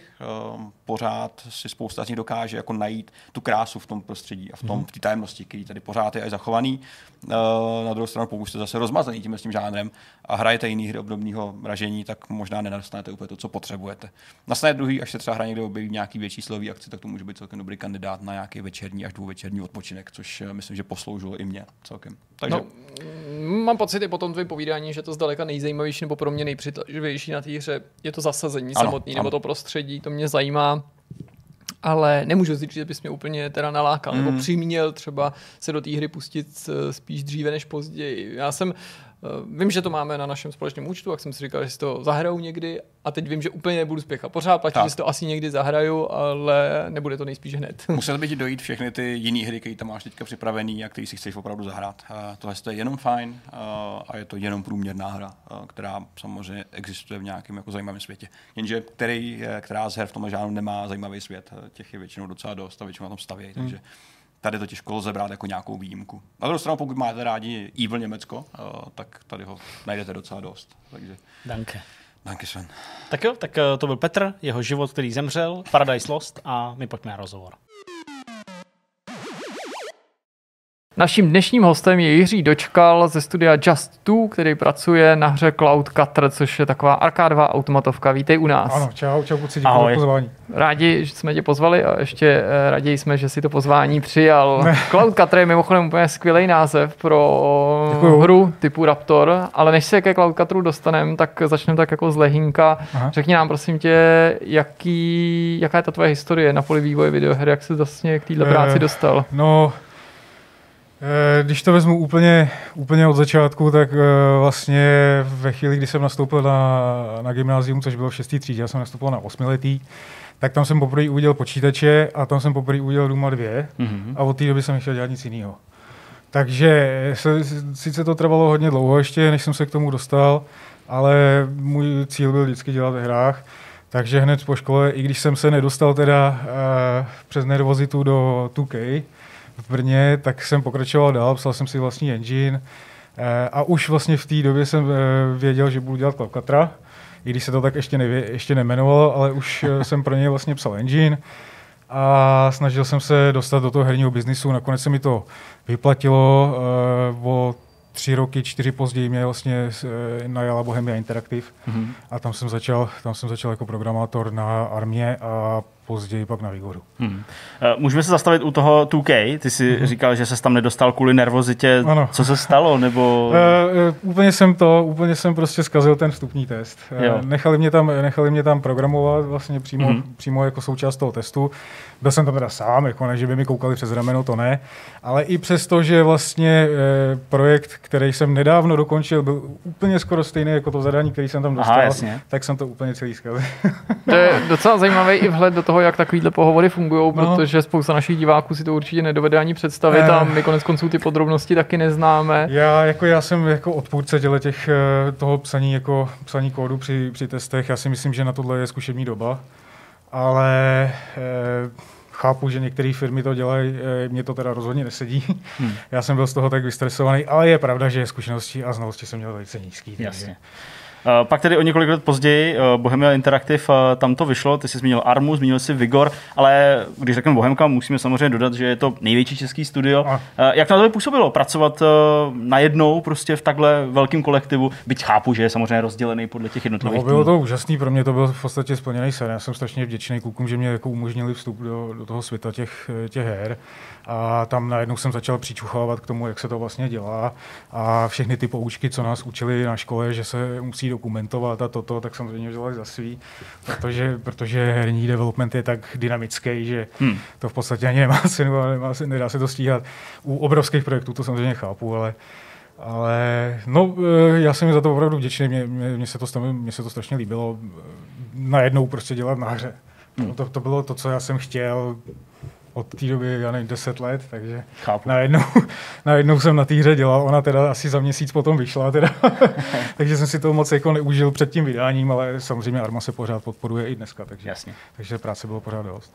Ty sám se pak rozhodl odejít, nebo nadále spolupracuješ se svýma bývalýma kolegama, aby jsme upřesnili, vlastně než se ke Cloudcutteru dostaneme, jestli je to tvůj side job, anebo prostě hlavní zdroj, nebo budoucí zdroj obživy. Je, v současnosti je to můj, eh, můj hlavní eh, full-time job. Nedělám nic jiného než Cloud Cutter. Dostávám za to výplatu. A eh, co se týče, co se týče konexe na Bohemku, tak vlastně náš, můj, nebo náš grafik Zdeněk Opletal, tak je taky bývalý, bývalý Bohemák, eh, seznámili jsme se tam. A odešli jste proto, abyste dělali Cloudcutter. Odešli jsme nejdřív eh, do Wargamingu, eh, když vlastně Wargaming dva roky nebo tři roky zpátky založil studio v Brně, který už je teda bohužel zrušený zase. Tam jsme odešli, tam jsme spolupracovali na, na prototypech, který teda bohužel zase nes- nespatřili světlo světa, ale, ale bylo to fajn a potom o tam teď už jsme odešli s tím, že budeme dělat Cloudcutter. Hmm. Ty jsi zmínil, a možná na to jdeme jako trochu z takový citlivý stránky, ale ty jsi zmínil, že uh, teď je to teda tvůj hlavní job. Mhm. Mm-hmm. Jirka říkal možná budoucí, tvoje nějaká obživa, ty jsi ale říkal, že dostáváš výplatu, tak uh, můžeme se otřít o tuhle stránku, toho Eh, financování? Jasně, našel se, našel se díky, díky Game Accessu se našel investor. Mhm, jo, Ten do toho vložil peníze, z toho se platí výplaty, z toho se platí software, hardware, jasně, marketing a tak dál. A doufám samozřejmě, že se mu ty peníze vrátí. jasně. To je super. Pojďme se teda přesunout ke Cloud- Cloudcutteru jako takovýmu a pojďme si na začátek představit, co je to vlastně za hru, i když jsme se toho trochu dotkli už. Je to klasická arkáda ze, ze staré školy, je to přesně to, co jsem chtěl, aby to byla úplně ta stejná automatovka, co se, co se hráli, když přijeli kolotoče. Jasně. S těma kniplama, jak to bylo strašně těžký a vůbec se to nedalo a, a- bylo to úplně neuvěřitelný, ale přesto to bylo tak, tak na pohled vlastně zajímavý, že to chtěl každý hrát. A já jsem si vždycky říkal, jak by bylo skvělé mít takovouhle hru si možnost zahrát prostě v krásný, nádherný, moderní grafice. Tohle je vlastně ten prapůvodní nápad. Eh, Navíc, eh, navíc je to i hra, když se potom člověk o tom přemýšlí dál, tak je to hra, která v podstatě moc nepotřebuje design, i když to jsem se teda jako hodně splet. Aha. No, ale ale není, to, není to open world eh, massive MMO, takže není to zase jako tak složitá hra, aby se to nedalo vymyslet. Nepotřebuje to nic moc dalších věcí. Celou dobu je to, je to z vrchu, je to pořád stejná vzdálenost, takže i, i jako technická stránka se vám ulehčí. To mi teda jako ne, nedošlo na začátku, Jasně. když jsem začal na tom dělat. Eh, A spousta se tam toho schová, jak jsou ty věci malý. Jo. Mhm. To už teda říkám věci, které bych říkal si neměl. No, tak všechny tyhle voháky, že jo, to tady musí být. A... A, e, takže tak, no. E, Je to, je to klasická, klasická arkádová jízda, kde nemusíte o ničem přemýšlet, nemusíte, nemusíte řešit, jak se to ovládá, není tam žádný store, není tam žádný shop, nejsou tam žádný itemy, nejsou tam žádný skilly, nic. Přijdu, vezmu, vezmu ovladač, hraju. Hmm. I kdybych přišel po roce. Jasně. Jo, to Není zní. tam, není tam nic. Potřebujete vlastně e, na to, abyste to mohli dohrát, tak potřebujete, tak potřebujete jeden palec a e, jeden ukazovač. Jasně. No, to zní, to zní dobře a myslím, že jednoduché hry, Přesně uh, tak. myslím tím jako na vysvětlení nebo na nějaký, uh, na nějaký uchopení jsou vždycky fajn, vždycky oslovují Přesně tak, je to, já jsem chtěl hru, která je dobře přístupná. Jasně. kterou eh, kdykoliv zapnu i po roce, tak si nemusím vzpomínat, Ježíš jak tohle to fungovalo, ježiš, Hmm. a toto, ale hned hraju. Jasně. Hned hraju a já mám rád akci, takže prostě Takže- akce, akce, akce. Jasně, chápu. Uh, ty jsi mluvil o tom, že ten nápad uh, na Cloudcutter v tvojí hlavě byl poměrně dlouho, Ano, ještě se ano. nejmenoval Cloudcutter. Ano. Tak možná jsi jako někde na nějaký začátek, kdy jsi poprvé Jo, uh, eh, rýčem rýpnul do Ano, země? to začalo, to začalo vlastně na, na škole, eh, kdy se tam konečně objevil, myslím až na magistru, jo, až na magistru se vlastně objevil, eh, objevilo programování v OpenGL Mhm. a součástí toho byl samozřejmě eh, semestrální projekt. A takže když jsem přemýšlel, co teda udělat, tak jsem si vzpomněl na tyhle ty automatovky. Říkám, jo, tak to je jednoduchý, že je tam jedna ta raketka, lítá tam druhá. Takže uh, už tam vlastně vznikla Cloudcutter verze 0, Jasně. Eh, což, bylo, což bylo to, že jste měli nějakou tu raketku, tu jste teda mohli ovládat. Eh, a náhodně se vlastně objevovaly eh, na, na obrazovce ty protivníci, který byl vždycky ten samý samozřejmě. tak.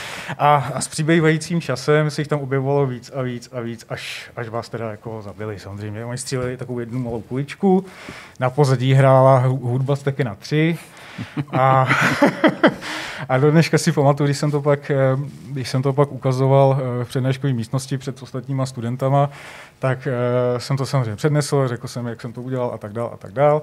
A když jsem si sedal, tak jeden, jeden z kolegů tehda, tehda prohlásil, no, to bych si docela zahrál. Hmm. A to byl ten bod. Tam asi jsem se jako rozhodl, že bych, že bych jako to udělal větší, lepší.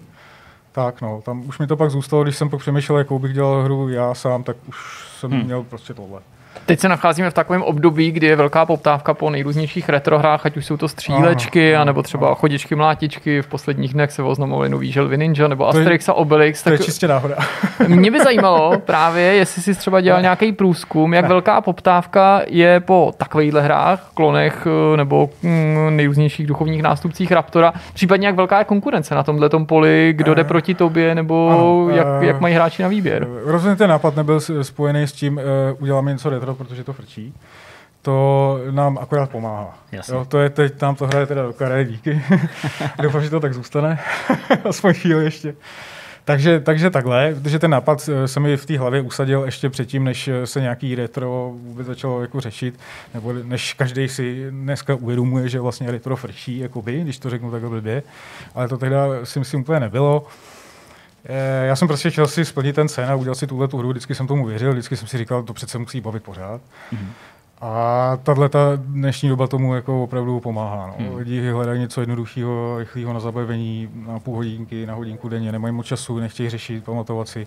Samozřejmě jsou hráči, kteří hrajou rádi jiné hry, ale, ale myslím si, že je i tady dost velká skupina uh, lidí, kteří by si právě zahrali něco takového hmm. jednoduššího, akčního, hmm. Co jim prostě dá nějaký zážitek, koho se budou muset snažit trošku a pak můžou víc spát.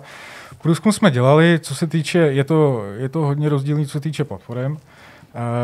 Když vezmeme desktopové desktopové věci, to znamená počítače, konzole, tak tam ta konkurence jako moc není. Tam je, tam je opravdu na prstech jedný, maximálně dvou uh, rukou jako her. Všechno jsme to procházeli. Nikdy jsem teda nenašel nic tak akčního, jako máme my. Mm-hmm. Tak, jsem, tak jsem zajásal, říkám, tenhle ten průzkum jsme dělali dávno.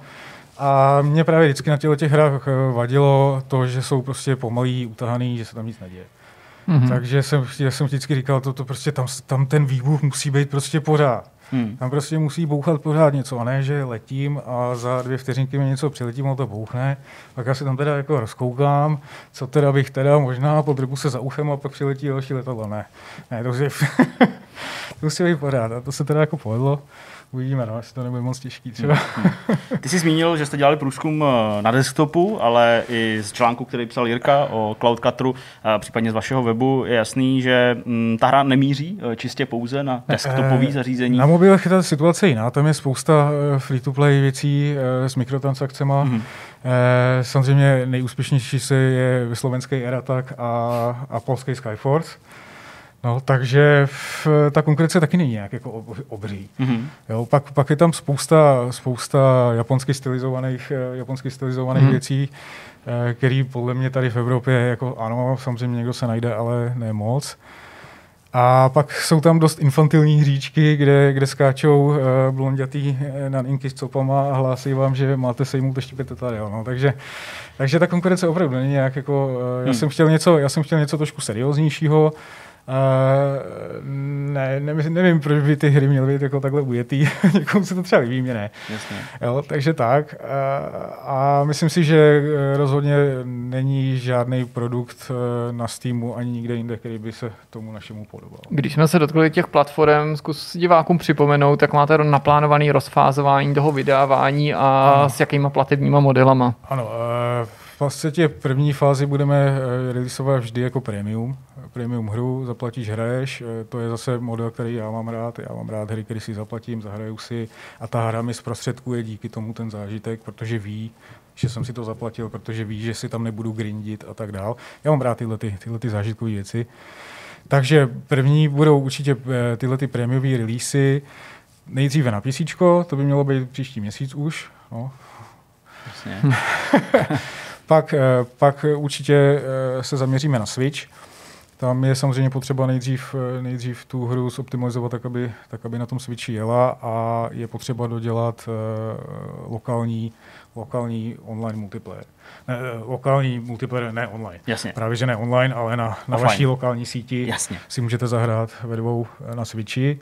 Nebo případně, když budete mít velký Switch, tak je samozřejmě možnost postavit postavit ten switch, vzít si a každý, každému hráči stačí jeden ten Joy-Con. Mm-hmm. Jasně. Takže si můžete zahrát i na jednom ve dvou. Takže tohle to zabere nějaký čas, čili, uh, čili někdy ke konci léta bychom chtěli vydat, vydat na Switch. Pak uh, samozřejmě uvidíme, jaký budou prodeje. Pokud se bude prodávat a hra uh, bude mít prostě perspektivu i v tom finančním, finančním pohledu, tak bychom se chtěli dostat na konzole. To znamená samozřejmě PlayStation a Xbox. Není problém to dát ani na starší Xboxy, pokud by někoho zajímalo, protože hra jako není náročná na, nějak jako na, na CPU už vůbec ne, spíš jako na grafiku a pokud budeme schopni rozjet eh, na Switchi, tak to samozřejmě pojede hmm. na Xboxu. Tak a potom, až teda na, v poslední řadě by přišly ty, ty mobily, Android, uh, iOS, Nej, nejprve spíš iOS, protože je to jednodušší, protože máte méně deviceů, Jasně. Méně, méně hardwareu, potom Android. A potom teda pokud všechno jako půjde šlapat, pokud se hra bude prodávat, no, to je vlastně to nejzásadnější, tak, eh, tak bychom udělali, přemýšlíme i o tom, že bychom udělali free-to-play verzi pro, pro mobilní device. Mm-hmm. Byl by to ten nástroj, jak konkurovat těm ostatním titulům? Bereš to takhle? Nebo uh, to bereš možná jako takovou nějakou součástí charakteristiky většiny mobilních titulů, ano, spíš uh, tak. tam jsou? Spíš tak. Myslím si, že na, na mobilech je opravdu jako výdělečnější dát tam free-to-play mm-hmm. s mikrotransakcemi. Já to teda opravdu nemám z duše rád, ale Eh, ta firma taky z něčeho musí žít. Nicméně, nicméně chtěl bych tam i vydat jako prémiovou verzi. Jasně, jo. Čili bude nejspíš existovat nějaký Cloud Cutter uh, mobile, a, a Cloud Cutter, já nevím, Light nebo něco takového. Jo, budou to dvě rozdílné hry, protože, protože ta free-to-play samozřejmě musí mít garáž, musíte si kupovat eh, věci a musí být za co ty mikrotransakce samozřejmě utrácet. I když naším hostem si ty sám určitě bychom měli dát prostor i tvým kolegům, protože na Cloud Cutteru dělá víc lidí, jak určitě. jsem říkal na začátku, studio se jmenuje Just Two, ovšem Cloud Cutter paradoxně vzniká v lidech třech, protože to... jste ještě člověka nabrali, předpokládám na to audio, rozumím tomu správně? Ne, ne, ne, vlastně ve firmě, ve studiu, pro, pod studio patříme pouze dva vývojáři. Jasně. Já a Zdeněk Kopletal, eh, který dělá grafiku. Eh, zvukař dělá vlastně po víkendech na kontrakt. Mm-hmm. Takže on vlastně s, jako s firmou Justu nemá nic, nic jako společného až na ten kontrakt. Mm. Ale pod, pod hrou je podepsaný. Pod hrou bude samozřejmě podepsaný. Eh, je to náš, je to náš kontraktor. Mm-hmm. Já bych se u něj zastavil, jestli to jako nevadí, ne. bez ohledu na to, že to je kontraktor, protože když jsem se koukal na LinkedIn, kam odkazujete z vašeho webu, uh-huh. tak jsem zjistil, že je to nějaký rockar, Uh, říkám dobře, jeho jméno. Uh, a je to člověk, který pracoval v Rockstaru. Uh, teďka dělá v Red Hill Games uh, s Milanem Jeřábkem mm-hmm. na 9 mhm. to 5, hru, kterou jsme taky nedávno streamovali. Tak můžeš nějak přiblížit, jak jste se k němu dostali? Uh, dostali jsme se k němu tak, že nastoupil do brněnského Wargamingu. Je takhle. Takže tam jsme spolu uh, skoro dva roky, dva roky dělali. A pak, když, když, jsme, když jsme se rozhodli, že teda připravíme demo na, na Game Access, mm-hmm. tak jsme samozřejmě hledali někoho, kdo by nám udělal zvuk. zvuk. A tak samozřejmě, když máte člověka s takovou reputací vedle v místnosti, tak jdete za ním. Že? Hmm. No, on souhlasil, ten zvuk se nám moc líbil, a takže jsme tu spolupráci takhle prodloužili a dělá nám zvuk vlastně i hudbu do celé hry. To je super. Pojď nám říct ještě něco o těch potenciálních plánech do budoucna, pokud se hra bude prodávat, bude se jí dobře dařit, vy určitě ano. budete pomýšlet na to, jak ji vylepšit nebo Přesně rozšířit. Tak. Už jsme se o tom trošku bavili na dálku, když jsem chystal ten článek, ty si naznačoval nějaký hardcore režim připomínající svou obtížností ty staré věci, určitě. ale určitě toho bylo víc. Určitě už na PC ještě před Switchem přijde, přijde čeština a ten arcade mod, což bude opravdu klasická hratelnost těch automatů, protože tam jste prostě měl tři životy a jakákoliv rána od jakýhokoliv animáče vás prostě stojí jeden život. Vy se objevíte znova. Takhle, takhle eh, mimochodem byla původně hra zamýšlená. Mm-hmm. Původně to nemělo být tak, že máte health bar, ale opravdu jenom tři životy, ale ale to jsem teda zmínil, to bylo strašně těžké. Ale šlo by na to mimochodem skvěle nabalit ty free to play mechanismy nebo ty a, mikrotransakce, a, protože podobně a. jako v tom skutečném automatu by si prostě ty další tři životy koupil za peníze. Chceš ráda, máš tady 15 sekund na to, ještě k tomu, aby byl pod tlakem. No jasně, takže vlastně stačí, takže stačí pak tu free to play verzi udělat jenom s tím arcádovým nebo s tím hardcore režimem a nebudete muset vymýšlet, jak to naroubovat na to standardní a na tu normální obtížnost. Je to tak, no. to není špatný prostě nápad. Hoď nám bůra, je to, další tři životy jsou tvoje. No jasný. Přesně tak, jako to lotovka prostě, no. Jasně. No takže tenhle ten režim tam určitě přibude, eh, protože tohle je vlastně jako to, co já jsem tam chtěl od začátku mít. Takže to tam určitě přibude, pak bude ten switch. No a když se všechno podaří, tak, jsou, tak je v plánu i rozšíření, co se týče DLCčka. Chtěli bychom udělat, eh, nabídnout několik nových map, včetně nového hráče, to znamená, že by ten nový hráč měl i nový zbraně a měl by nový speciálky, uh, special powers, Jasně. Jo, uh, který se sbírají v tom, v tom levelu. Uh, a já jsem tam ještě zmiňoval do toho, do toho článku ten generátor. No, to znělo fakt super. To jako, to se líbí každému, když to řeknu. Jasně. To se opravdu líbí každému, když to řeknu. Je tam samozřejmě několik problémů, jako těžko, těžko může generátor vygenerovat boss fight, ale nemyslím si, že by to měl být problém a myslím si, že lidi si budou rádi chtít prostě užít zase tu akci a to ten generátor je schopný dát. Hmm. Takže pokud by to šlo, tak já bych se tomu rád opravdu věnoval. Uh, uvidíme, uvidíme. No. Teď na tom dělám sám, takže takže pokud se bude hře dařit, tak by se dalo přemýšlet o tom rozšířit tým samozřejmě a pak by přišel čas i na tyhle ty věci, no, který bych já rád. No. On to není za stolik práce, ale musí se to všechno odladit, otestovat hmm.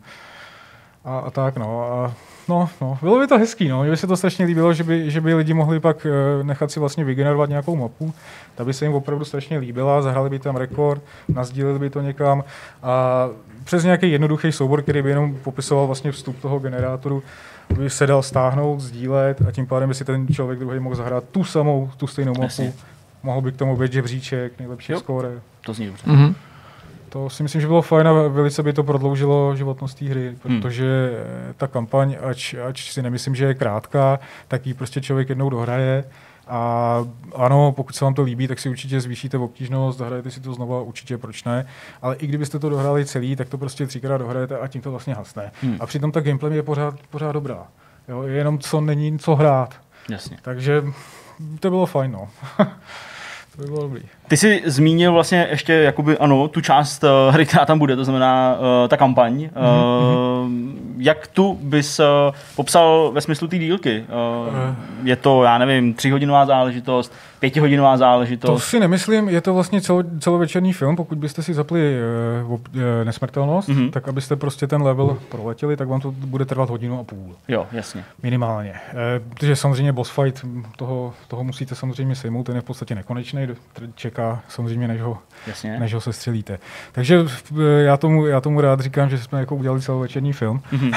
Jo, a tak to je taky fajn. A co se, co se té herní doby týče, tak většina kluků, co jsme dělali teď nedávno interní testování, tak jsou schopní dohrát tu hru za pár večerů. Mm-hmm. Na tu nejzákladnější, na tu, na tu provodní obtížnost, což je přesně to, co já jsem chtěl dosáhnout. Já jsem chtěl, aby to byl zážitek, aby to bylo intenzivní, akční a hmm. pokud je to opravdu takhle intenzivní celou tu dobu, tak si myslím, že to až, až, až. až, až docela. Eh, je pravda, že pokud je někdo opravdu jako zkušený hráč a proletí ty levely na jeden, na druhý pokus, tak mu to může připadat krátký. Hmm. hmm. Většina, většina lidí s tím eh, takhle dobře se ne, nepopasovala. Jasně, jasně. Má hra nějaký příběhový pozadí, nebo je ta zápletka úplně banální právě ve stylu těch automatovek, tady je nepřítel, je potřeba ho zničit, jinak on zničí tebe?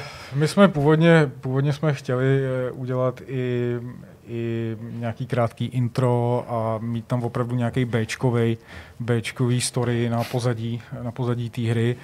Eh, vlastně myšlenka, myslím, že to můžu říct, eh, myšlenka byla taková, že že jako z klasického Bčkového akčáku, vy jste, vy jste jako hrdina, jste úplný šílenec, Mm-hmm.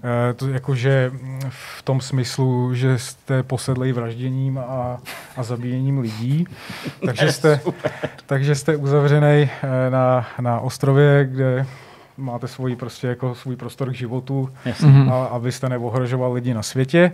No a eh, co se na Zemi nestane, je to, že, to, že začne válka a eh, ti dobří jako ztrácejí, už, mm-hmm. už nemohou, už, už jsou beznadějní, no a vzpomenou si na vás.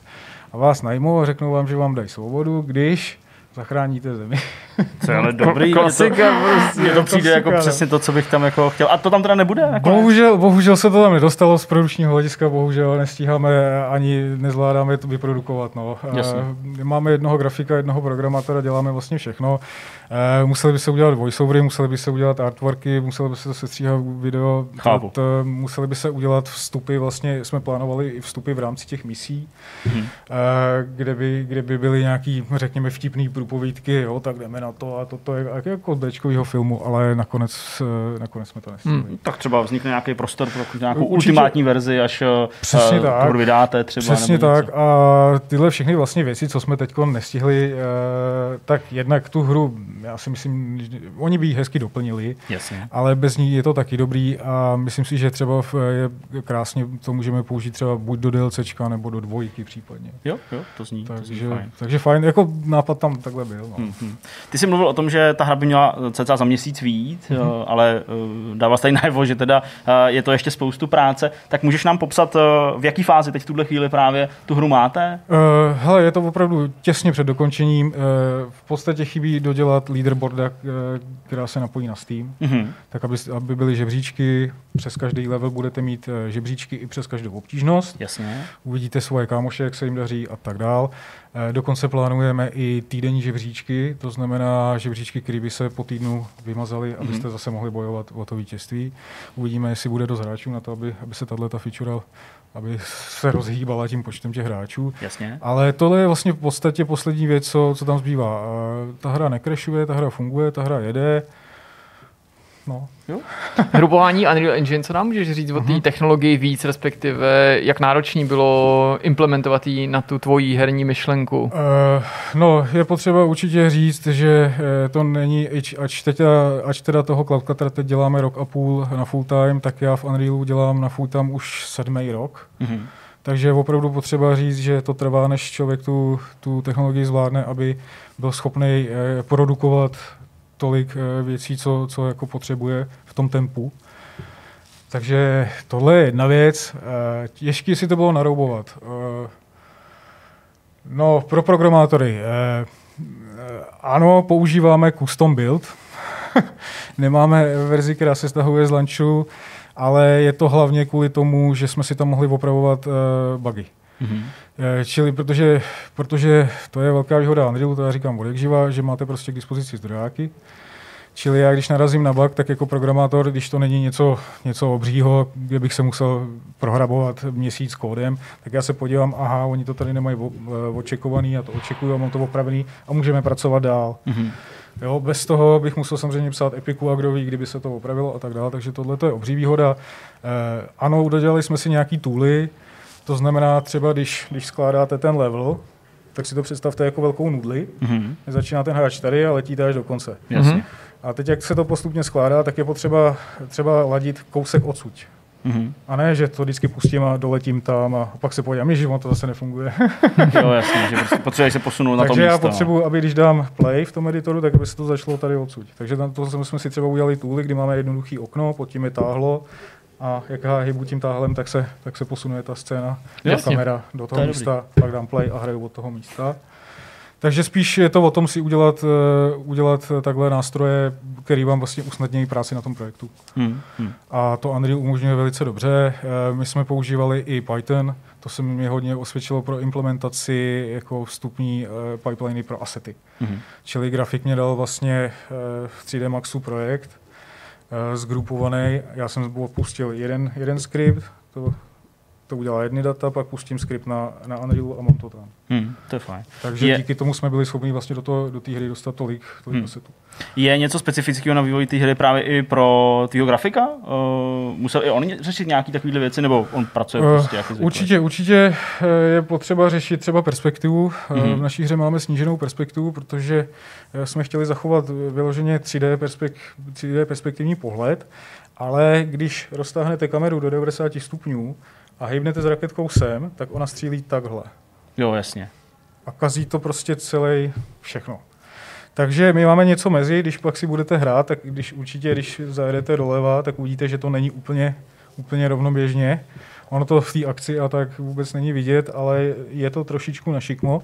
A to je tím, že máme snížený ten FOV vlastně co, co nejmíň, ale tím, jak ho snížíte, tak se ta perspektiva vlastně ztrácí. Mhm. Mhm. Takže s tímhle tím musel grafik počítat, eh, že věc, která je normálně vysoká 200 metrů, tak tam vypadá celkem, celkem nízká. Jasně. Takže jsme museli eh, hlavně brát potaz to, aby jsme ty scény, ty levely nestavili příliš do výšky. Mhm. Je něco závěrem, co tady nezaznělo v tom rozhovoru, co bys chtěl doplnit nebo vzkázat našim divákům, potenciálním kupcům? Nezapomeň na to, to jsou lidi, kteří si můžou Zdravím koupit tvoji hru, takže eh, určitě je prostor eh, zalobovat nebo Eh. připomenout něco, co by třeba měli potenciální hráči vědět. Já z té hry mám strašně velkou radost, že se to, že se to povedlo, že já jsem si splnil prostě sen a já si myslím, že se najde spousta lidí, uh, už i mám takovéhle inicie okolo, který si to zahrajou. A doufám, že to nebudete pirátit. No to, Tady u nás se nepirátí, že ne?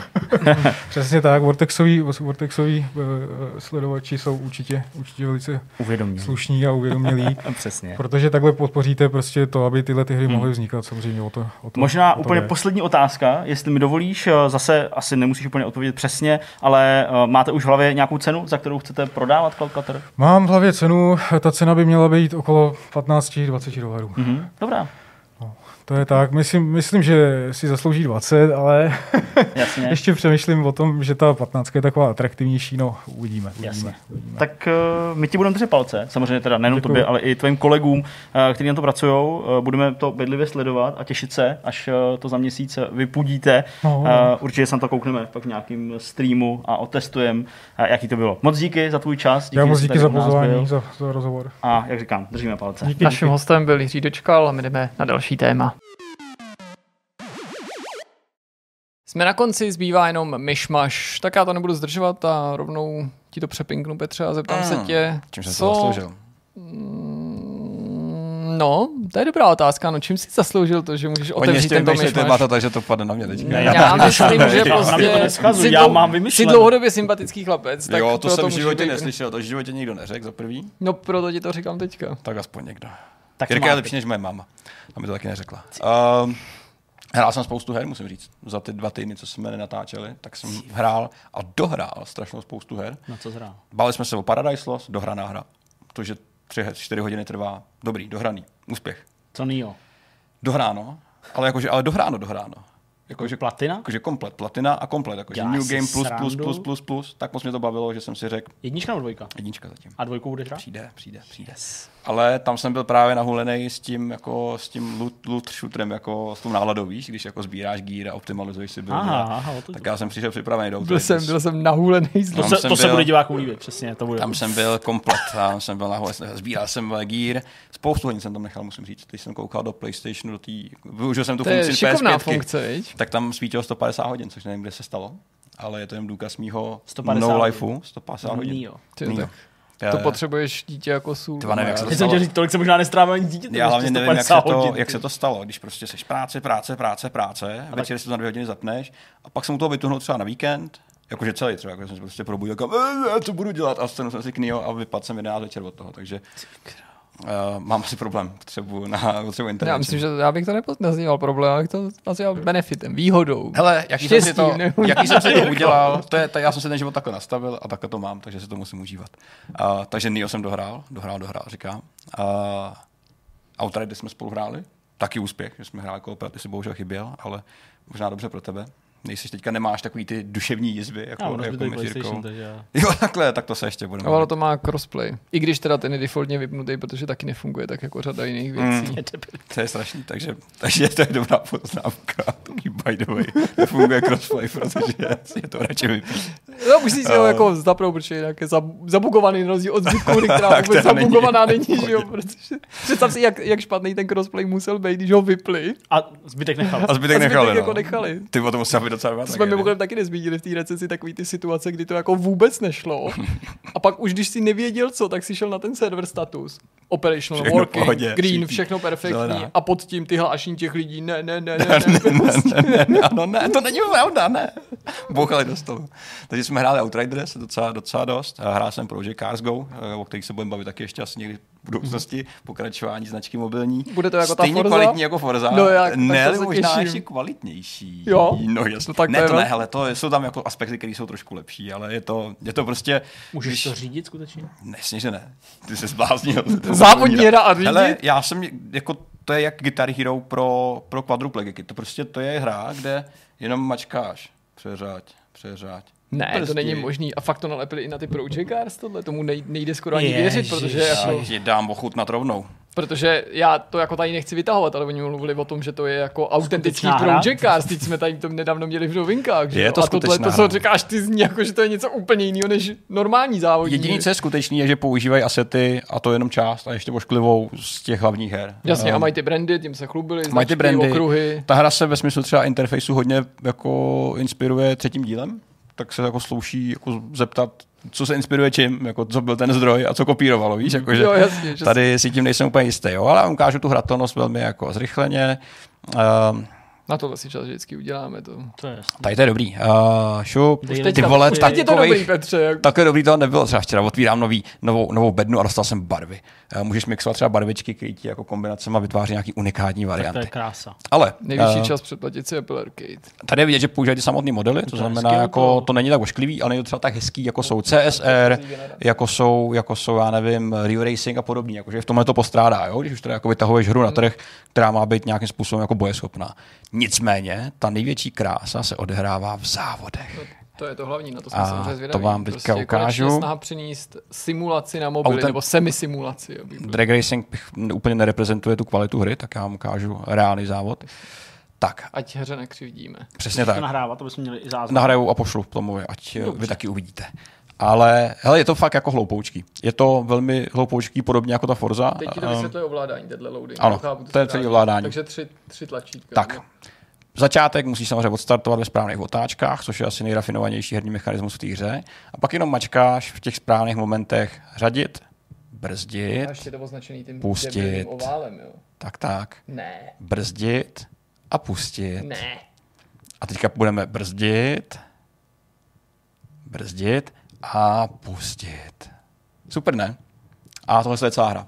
Tohle je celá hra, která se opakuje na cca nevím, pěti, šesti okruzích, uh, z nich půlka je samozřejmě fiktivních. A i celkově ten jako model té hry je absolutně jako bizarní. To je. A- Vedle toho má bylo tak lepší hezkou i takový ten grafiku a- asfalt na vejšku. Takový No ten, co ani nebyl ten skutečný asfalt, takový ten 80 No jasně. no, arkádový, protože tam se aspoň swipovalo prstem doleva a doprava. To byla mnohem reálnější hra, než je tohle.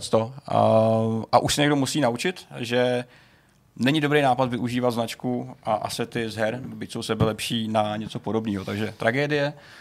A možná už o to nebudeme dál mluvit, protože tohle to stačilo. To si, ne, to si musíme nechat jako na nějakou separátní moment. plnotučný blok a plnotučný téma, protože to vypadá, že to má velký potenciál. Potenciál, je to, je to velký potenciál. Uh, a ještě jsem hrál přes svátky, přes Velikonoce, Doom Eternal. Uh, já jsem dohrál hru, dohrál jsem i obě DLCčka a moc se mi to líbilo, musím říct. Byl jsem jako...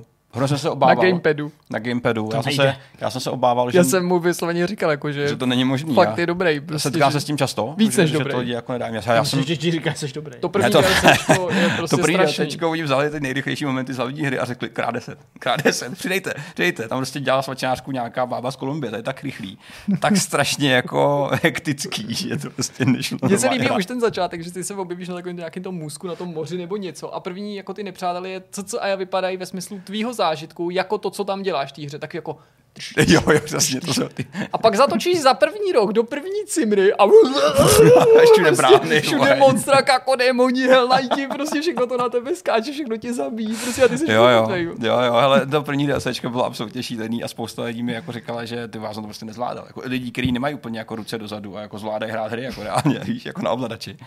A v tom druhém pak teda zjemnili trošku, už jako někdo si řekl, ty vole, potřeba mi to dohrálo třeba aspoň jako 2% lidí, jako aspoň to DLCčko, tak řekli, OK, tak zpomalíme. Ale moc mě to bavilo, já jsem si myslel, že to nebudu stíhat, že budu úplně mimo, jak jsem prostě že unavený, pořád mentálně, dokážu se otáčet pořádně na ničem, tak jsem se tomu přizpůsobil. Využíval jsem všechny ty mechanismy úplně jako precizně, řezání pilou, mlácení, trhání, pálení. Ty fakt jsem se to jako dával a hrozně to ve mně probudilo jako život, hrát, jako Já už Jak tady. život, on život zemřel. A tady se, život zemřel, tady to, se je- znovu To je objevil. velikonoční téma, krásný. To je totálně Ježíš style. Ježí style a fakt mě to bavilo. Musím říct, že jsem byl překvapený sám, jak mi to jako šlo, jak jsem jako Mhm. přijal tu hru, tak jaká je jako tu rychlost a tu, tu, tu, tu hektičnost. To je Teď už bys to poznal v tom kvízu, přijel ten normálně. Tady je chytrý, vole. Když jsi jako nastavil ten mindset, jo, že prostě... Ne, fakt mi to, fakt mě to bavilo, líbilo se mi to a šlo mi to překvapivě dobře. Ale obdivuju o to víc lidi, kteří třeba jako nehrajou FPS na ovladači a tohle to dohráli.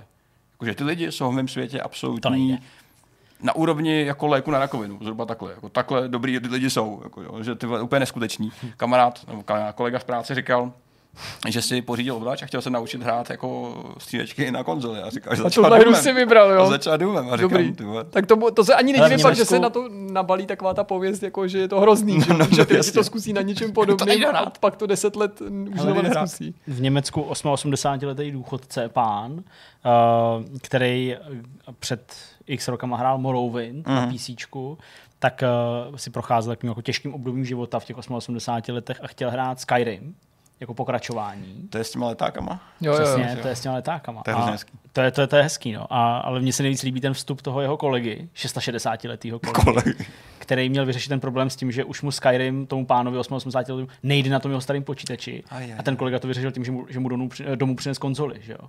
A tím to vlastně Ty začalo. není protože ten, zač. Ten pán nikdy nehrál s gamepadem a prostě tuhle situaci Není vyřešil zač. tím, že měli, že měli To není úplně, No, ale je to záměr jako hezký. takže Já taky, jsem taky jako, nikdy nehrál, ale teď jsem rád, že jako pomáhají lidi a samozřejmě ne vždycky se to úplně jako sejde, sejde takhle hezky. No. A, ale dobrý, musím, že to fakt jako chytlo, dohrál jsem to a uh, překvapilo mě, jak hluboký ten lore v té hře, jako jak vymysleli to pozadí, té postavě, Hmm. tomu světu, jak dobře to nastavili, i jak dobře to vlastně táhli přes ty DLCčka, které už nejsou jenom jako blbý rozšíření, kde jenom střílíš a zabíjíš, což teda tam děláš při většinu času. Hmm.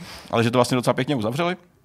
A závěr toho druhého DLCčka je velmi epický, uh, velmi jako by se hodil i na závěr té samotné hry, ale tady je teda jako zřetelně cítit, že to měli rozplánovaný na trošku delší hmm. běh, eh, než, eh, než původně chtěli. Takže za mě, za mě spokojenost a překvapení, že to na ovladači šlo hrát docela dobře. Já bych možná jenom našim divákům prozradil, aby dokázali docenit, že skutečně to není žádná nadsázka, když říkám, že tě obdivuju za to, jak jsi tím prošel, eh, protože když my jsme se se Zdeňkem dívali na to první DLCčko pro ten Doom Eternal Hmm. a bavili se o tom, že bychom to třeba nějaký den mohli dát do streamu, když to tehdy bylo aktuální, tak jsme tak jako na to koukli, osáhli si to a pak jsme si řekli, hele, není problém s naší ješitností, ty lidi ví, jako, co jsme v těch streamech schopní předvíst, myslím, vy lidi, ti diváci, naši Diváci. čtenáři, a ca, tak jsou jako zvyklí prostě na naše jako lapsy typu Outriders tento týden.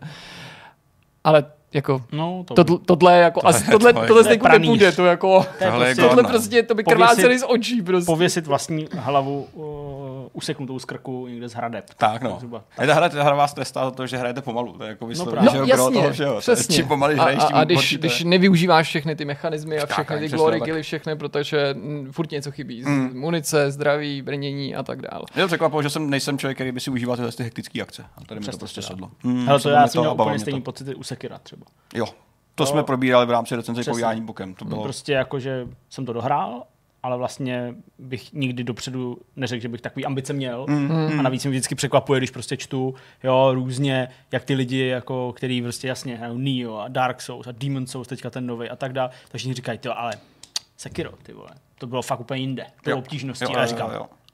Asi dobrý. dohráno, dohráno. Asi Jo. když prostě to k tobě promluví, tak uh, Jo. se zabejčíš Mm, a mm, když mm. je, kde, kde je vůle, tam je i cesta, prej, jak říkají Tak, říká to. horolezci. nebo tak Přesně, přesně, hodně filozofický. No takže to byly moje jako zážitky, spousta her, musím říct, až překvapivě. Hezký, hezký. A z filmů viděl jsem konečně Split, eh, na Netflixu se objevil s Jamesem McAvoyem Ano, ano. a líbilo se mi to, musím říct. Já jsem na to byl dokonce v kině, člověče. A už jsi To to bylo fajn. doplnil, jak Am- jsem ti říkal, že to je Ještě ten, ne, ještě navazuje ne, na ten ještě- Unbreakable. ještě ne, ne, Protože ne. Petr to nevěděl. Já jsem to Ah, nevěděl. ne, to jednak Nevěděl, neviděl a ani nevěděl, Já že jsem to fakt je jako něčí heretik, jako sequel. Jakože pokud To já jsem to jako tak- zjistil až na konci, samozřejmě, já jsem to jako věděl dopředu. Když tam to já jsem netušil. jako- To jsi nevěděl dopředu, Pro mě to bylo odhalení s na tím tom konci.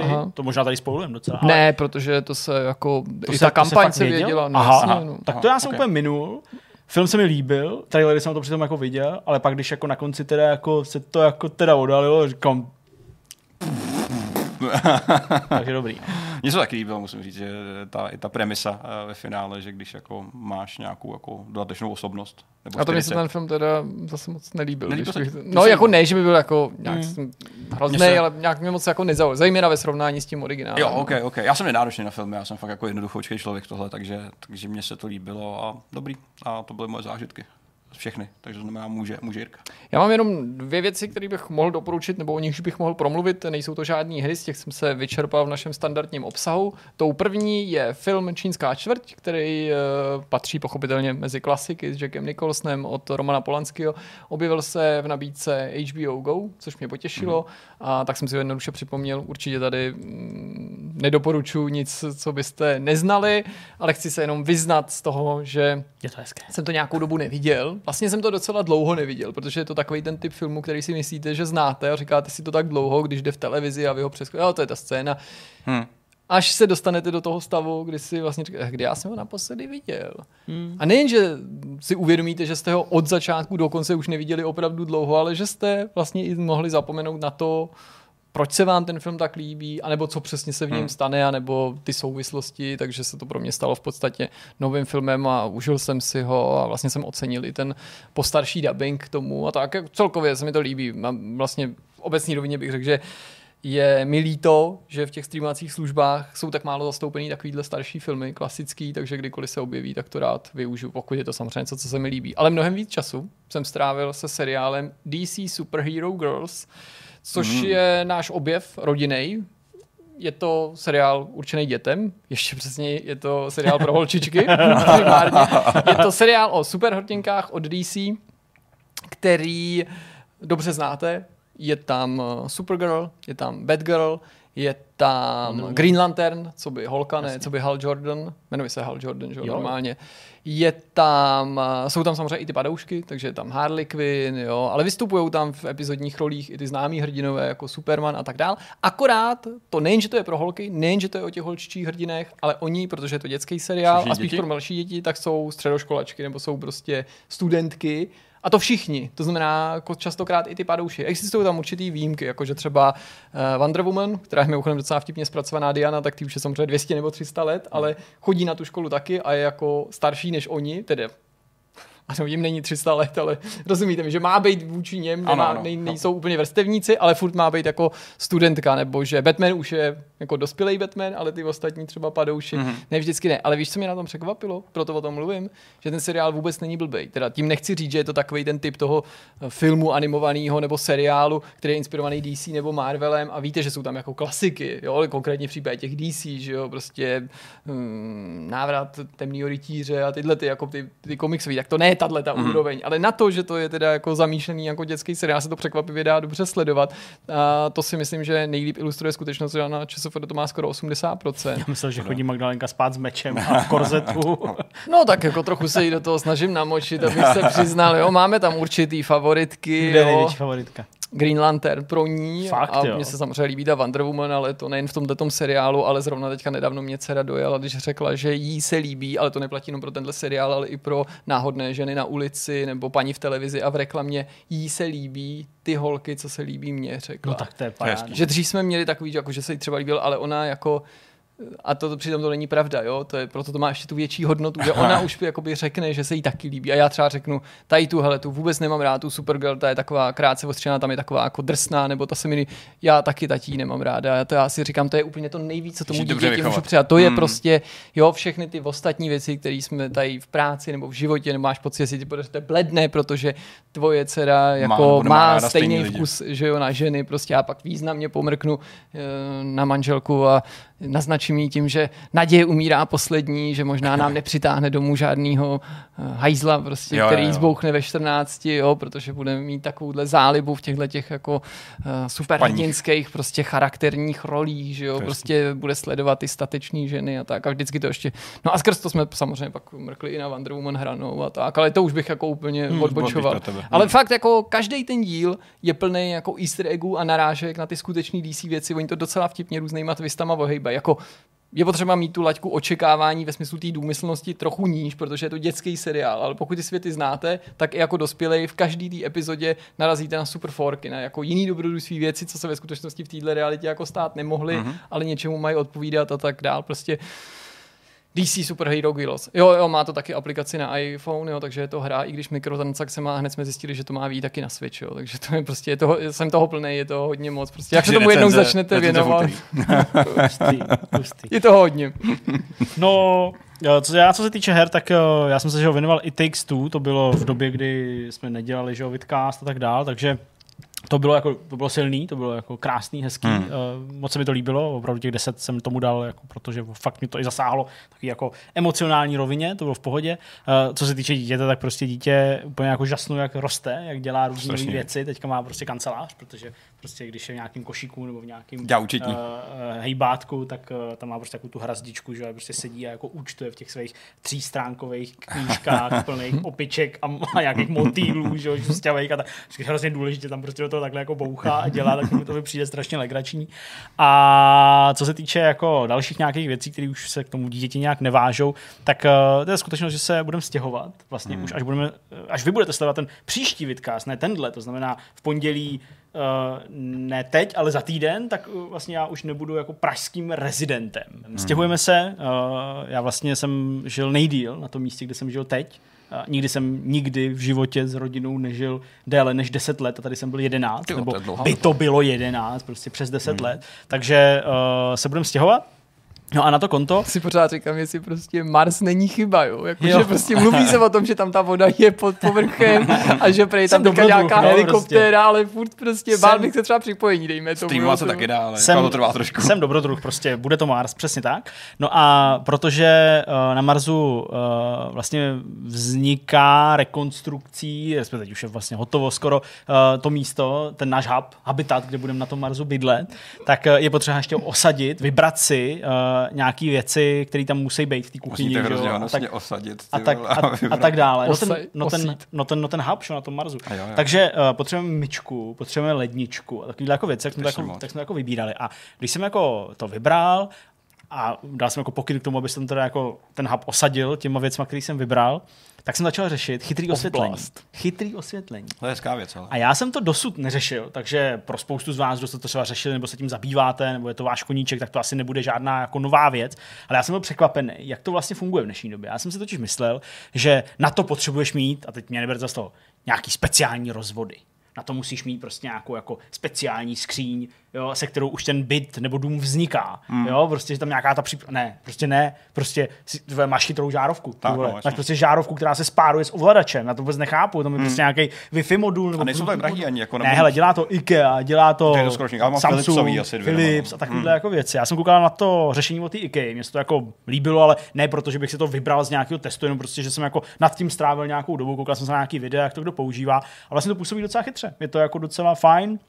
Má to vlastně takový jako svůj prostě HomePod jo, hmm. nebo něco takového, který se dá různě spárovat uh, i třeba s Apple HomeKitem jako celkově, ale má vlastní aplikaci, vytvoří si prostě, uh, po různu to spáruješ, můžeš to vládat aplikací, můžeš to vládat fyzickými nějakými malými ovladačema, hmm. nastavovat si presety, nebo si koupit ještě vlastně takový jako fejkový tlačítko, fejkový vypínač, na něj si nalepíš, nebo prostě ho si nějak označíš, jak sám chceš, ale ten vypínač není ani zapojený, je pouze jako Bluetoothem zase spojený mm-hmm. prostě, s, nebo já nevím vlastně, jo, jo, přes Bluetooth je spojený s tou základnou, ale to je vlastně jako tlačítko na jako instantní profil jo, něčeho. Jo. Takže máš třeba tlačítka, nevím, prostě v kuchyni, jo, a máš jako, jako tlačítko, prostě zmáčneš, jako že jdeš jíst a prostě stlumí se v kuchyni světlo a rozsvítí se prostě světlo nad, eh, nad tím, rozsvítí hmm. se světlo nad kuchyňským stolem, eh, teda jídelním stolem a já nevím, stlumí se televize. Jo? No. Nebo, nebo prostě já si vždycky věci. u těch věcí říkám, protože jsem se na to taky jednu dobu díval, jestli bych to podobně třeba jako ty hodinky, když jsme tady rozebírali, Používal. proto našel reálný využití. Já se to vždycky si no, pak jasně. jako řeknu nakonec, ty vole, ale já bych asi stejně radši jenom to světlo vypnul a tohle zapnul, hmm. nebo jdu do Víš, že jako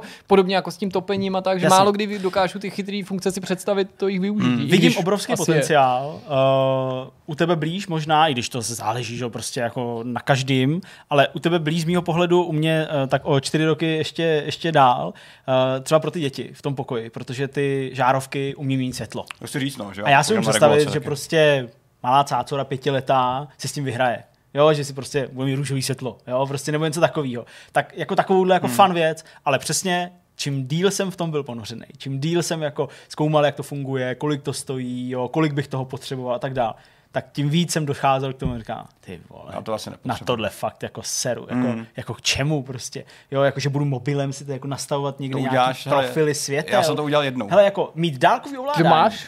Já mám dvě žárovky doma, na, Aha. jako na, přes apku od Philipsu právě. Aha, ty Hue, jako. No, no, no, Hugh. A říkal jsem si to samý, nastavím si tady nějakou měkkost a budu to ovládat na dálku. Stejně to používáš bude binárně, No. jako všechny ostatní světla. Jasně. Nastavíš si jeden profil, jo, to se mi líbí, to si necháš být, ne, že si nastavíš podle nálady, chci, aby to svítilo hodně, aby to bylo takhle intenzivní, to si nikdo nedělá pořádně. Hele, já, Takže jed- to vlastně jako normální já jediný no. benefit, jako, který mám i vyzkoušený a který jako bych bral a vlastně možná z toho důvodu to třeba i koupím, ale nebudu to jako hrotit přes ten pod a nějaký profily, tak je ten dálkový ovladač. To je jako fakt dobrý. Jo, jako třeba prostě Markéta u sebe v pokoji jako v- Plzni u rodičů, že, kde má jako svůj pokoj, teď to spíš pokoj Leontýny, ale prostě jako pokoj, tak má dálkový ovládání prostě od stropního světla, nemá tam vlastně žádný jako ani lampičky jiný Mhm. a jako, takže no, má možná jako u postele lampičku, ale prostě jako ležíš v posteli a to světlo můžeš prostě vypnout, Ano, když ano, ležíš v posteli. Jo, to přes ten mobil je taky Ale to je no. jako vypnout, zapnout, to není jo, barvičky a, a, teplota, to je prostě vypnout, Jo, zapnout, nebo možná, jestli tam určí, že si mají svítit čtyři nebo dvě žárovky, jo, nebo něco takového. Mhm. Ale prostě to mi jako jediný přijde v To dobrá pohodě, no. mít, mít to dálkové ovládání a prostě na dálku někde něco vypnout, zapnout. To je ale přesně jako profily v mobilu, takovýhle říká ne, ne, ne, Mhm. ne, prostě ne. Takže To hodně eh, progresivní domácnost. Nakonec no. jsem od toho teda jako upustil. No a poslední věc, to je taková hodně zvláštní, já nevím vlastně, jestli jako to vůbec jako mám tady prezentovat nebo ne, ale Tak ho si umlátil baseballkou. ale někoho jsem zvířátko, nebo ale vlastně to chci říct, protože uh, já jsem člověk, který Mhm, je ateista. Já jako nevěřím v Boha. Na to, že to je slovo boží používáme docela často. Jako Přesně.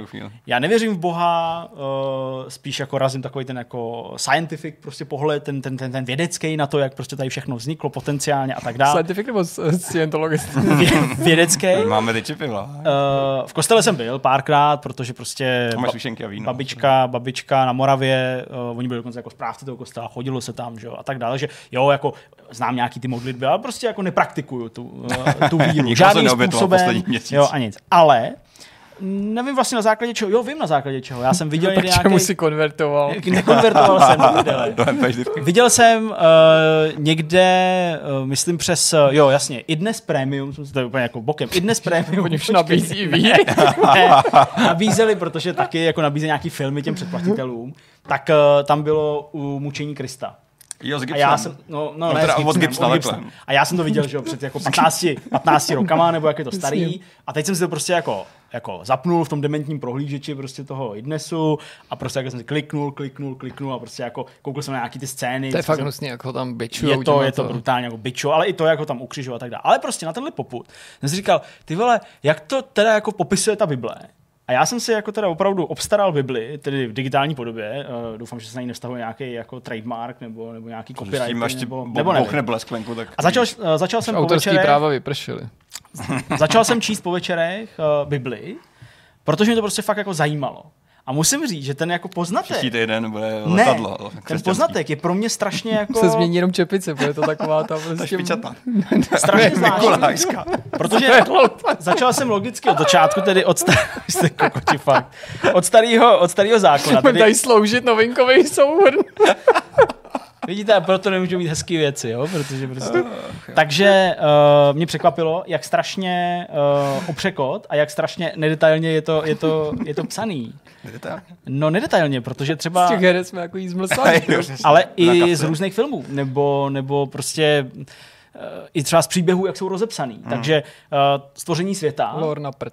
Stvoření světa je v té Bibli, v té verzi, kterou já mám, má to být jako nějaký modernější překlad český, vycházející samozřejmě, opírající se prostě o nějaký jako dva jako prameny historický, jako český, ale některý slova jsou prostě zmodernizovaný, aby to jako dávalo lidem prostě víc smysl v dnešní době, řekněme. Tak eh, prostě... ta- Můžeš na pohodu pro kráče. Takhle úplně ne. A jde o to, že stvoření světa je tam fakt popsaný třeba jako na třech stránkách. Ale tím myslím na třech stránkách, které se vejdou na displeji mobilu. Mm-hmm. Ne jako tři hustě popsané stránky No a bylo to v Bible. souladu s těma takovými těma všeobecně vžitýma příkla, příběhama, Totálně, nebo jo? určitě jo. No, aby se tam Jenom našel to, nějaký Jenom to prostě bylo jako... nesrovnalosti. Jo, teď já to neodcituju přesně, už jsem jako dál, že se nechci úplně vracet, ale neodcituju to přesně, takže mě jako neberte za slovo, ale jako na začátku nebylo nic, a Bůh stvořil světlo. Jo? A pak odpočíval. A druhý den stvořil uh, všechnu, uh, všechno vodstvo a pak odpočíval. Třetí den stvořil uh, všechnu pevninu nebo, nebo poručil vodě, aby ustoupila prostě od někud a pak odpočíval. Pak pátý den nebo čtvrtý den udělal prostě zvířata, hmm. pátý den udělal Adama, šestý den mu udělal Evu a v neděli odpočíval. A myslel si, že to je dobré. Ale a to jak je to celý. udělal? Jako a to je celý. vědět. No o to nejde, jak to udělal. No, ale o to jako, jde, že, jak to udělal. Ale že jako na tohle jsou filmy, na tohle jsou No, uh, já to český vědět. animovaný film. Stvoření jasně, že to trvá každý den pátek, A trvá no. to prostě hodinu a půl ten film. A. tady, tady je to prostě vysvětlený jako na, na jako deseti větách. A to stejný se prostě týká vyhnání z ráje. Jo, to prostě, to je jenom jako, a pak byl Adam a byla Eva a říkali manželka, protože pocházela z něj. A v zahradě Edenu bylo prostě, byla, byl, byl strom poznání a Bůh jim řekl, nesmíte jít uh, ze stromu poznání. A přišel had, vy nesmíte, ale můžete. Tak si vzali a Bůh jim řekl, to je špatný, tak musíte pryč. A oni odešli pryč. A potrestám vás tím, že se budete do konce že jako svých životů lopotit. A to je celý. To je prostě právě. celý Adam a Eva v ráji a jejich vyhnání. A říkám, to je celý? Tam už to dál není? Ale jak oni A to pak člověk čtou pravidelně, ne? Tak to musí jako mít rychle. Pak to člověk čte dál. A teď samozřejmě od Adama, od, od Evy, ty jejich jako potomci, A to je tam rozdělený na nějaký ty žalmy a takový, jako takový. No ne? hele, Nebo každý- tohle to je taková, každý- jenom už ne, taková ne, ta tábče, že každá normálně... věta, každá, de facto každá věta, už jsem to úplně přestal vnímat, má ty svoje takový ty odkazy, že jo? Takže Jo, jo, prostě, jo, Jákob tedy směle eh, vykročil na cestu a přišel do země východních národů. Genesis 29.2. Jo. Jo, to tam takhle jako, jako Mhm. popsaný, jo, v, po každý větě de facto. Já jedinou Genesis, kterou známe, tak je samozřejmě Přesně. Star Trek Hanův hněv. A zase tu dál, když to jako pokračuje, tak Jo, oni, no, samozřejmě věř. je to jako dějepis, jo, takové, ale zase jako dějepis nebo román, kdybychom měl hodnotit tu Bibli jako román nebo prostě jako nějakou jako beletrii, řekněme, tak jako budu velice zklamaný, protože to vypadá, kdybyste četli prostě nějaký jako poznámky k pánovi prstenů někde na konci, protože tam je, a teď mě neberte za slovo, za ty, slo, za ty jména, jo, takže já budu říkat jména český, ne hebrejský, ne, který tam byli, ale prostě Uh, Jan žil 179 let, uh, plodil dcery a syny, měl syny Tomáše. Honzu uh, a Petra. Hmm. Jo? Tomáš žil 107, a, a pak zemřel. Tomáš žil 199 let, měl, plodil syny a dcery, To měl ČSU. a pak zemřel. Jo? A prostě to tam pak jede takhle prostě a teď, a teď jako prostě 15 Statistika. minut, 15 minut umřel? jenom jména, jak dlouho žil, jaký měl, nebo kolik měl dětí a umřel. Ale jako už se o nich nic nedozvíš. Hmm. A pak tě to teda dovede k Abrahamovi, k Jakobovi, Izákovi. No a podle mě Jo? dvojka bude tu plnotučnější, protože to už je aspoň podle historie, zatímco ta jednička to je úplně Tohle je vymyšlený. Přesně, jo, přesně. Prostě. Takže uvidíme, co nový zákon, ale jako čtu to a co je Lepší zajímavý, zajímavým efektem, a tím už skončím, už vás s tím nebudu otravovat. No naopak, já bych v tom pokračoval. Tak uh, musím říct, že tak, jak to čtu, nevím, Sodoma Gomora, potopa světa a tak dále, já mám strašně divný sny. Mně se o tom To je- hrozně zdá. No. To už do tebe vstupuje o ta těch, víra, o těch podle mě. jménech, No, jasně. o těch jako situacích, mně se o tom furt zdá. Podle mě- A já se vždycky ráno probudím a mám z toho takový jako divný pocit. A úplně, když jdeš vždycky sem do kanclu, tak úplně to tě to tahá na druhou stranu do kostela prostě. Ne, to úplně ne. ne, to podle mě takhle to přijde, že jo. A nevím, ale prostě je to fakt jako z tohohle pohledu zajímavý. Já myslel jsem si, že to je úplně jiný. A mně se líbí, jak to li- hodnotíš tak jako literárně, ale zároveň je to vlastně náborový leták, že jo? Ano, že to je, způsob, jasně, jak prostě samozřejmě. Lidi, lidi nabrat. Asi bychom to měli udělat všichni, že si to prostě přečtem. Tak uh, I do když toho. teda, no, No. já nevím. A ono prostě vybrat si víru, když jsi ateista, musí být strašně těžký, protože to jich je tolik, jich nevybírám, tolik jo, prostě. já- Já chápu, že, zajímavé. ale dejme tomu hypoteticky. Úplně kdyby si- podobně jsem četl třeba Mein Kampf, nebo jsem četl Korán. To není nebo úplně víra, i když chápu, Korán, že? ale, ale No, takže Bibli, Mein Kampf a Korán. Je to tady. to, to, určitě se dostane do nějakého výstřižku prostě nejlepších scének na artu. Prostě. Skvělý. Podobně jako Bibli jsem čet i Mein Kampf a Korán. Prostě. Není co dodat. Chtěl jsem říct, že je těžký vybrat si víru, když jste protože je hodně, ale myslím, že Poslední vidcast. prostě poslední vidka. To natáčíme s Pak, a pak smrt zemřela, nebo jak to říkal, život umřel. Život, umřel. jo, no, tak. Život umřel. Život umřel, no. Tak, eh, Ten vidcast taky to je umřel. celý. To je celý. To, je- to je fakt celý. Tak Jo, to je celý, protože už brzo přijede dál. policie a zatkne nás. nevím proč, ale pořád. No, protože to se nesmí říct, že, že si čet Mein Kampf. To se nesmí říct, to je zakázaná kniha. On říká Minecraft. Vole, tak to já nevím. Mein... Ma- Ne, Minecraft. může se to říct. Minecraft se bude, Minecraft, Minecraft se jsem nesmí četl. Moje dílo, Minecraft. říct. Byli, byli, byli, a byli tam vosy. Hmm, Minecraft beer. Tak, to je všechno z tohohle vidcastu. Mějte se krásně. Ahoj. Čau. Ahoj.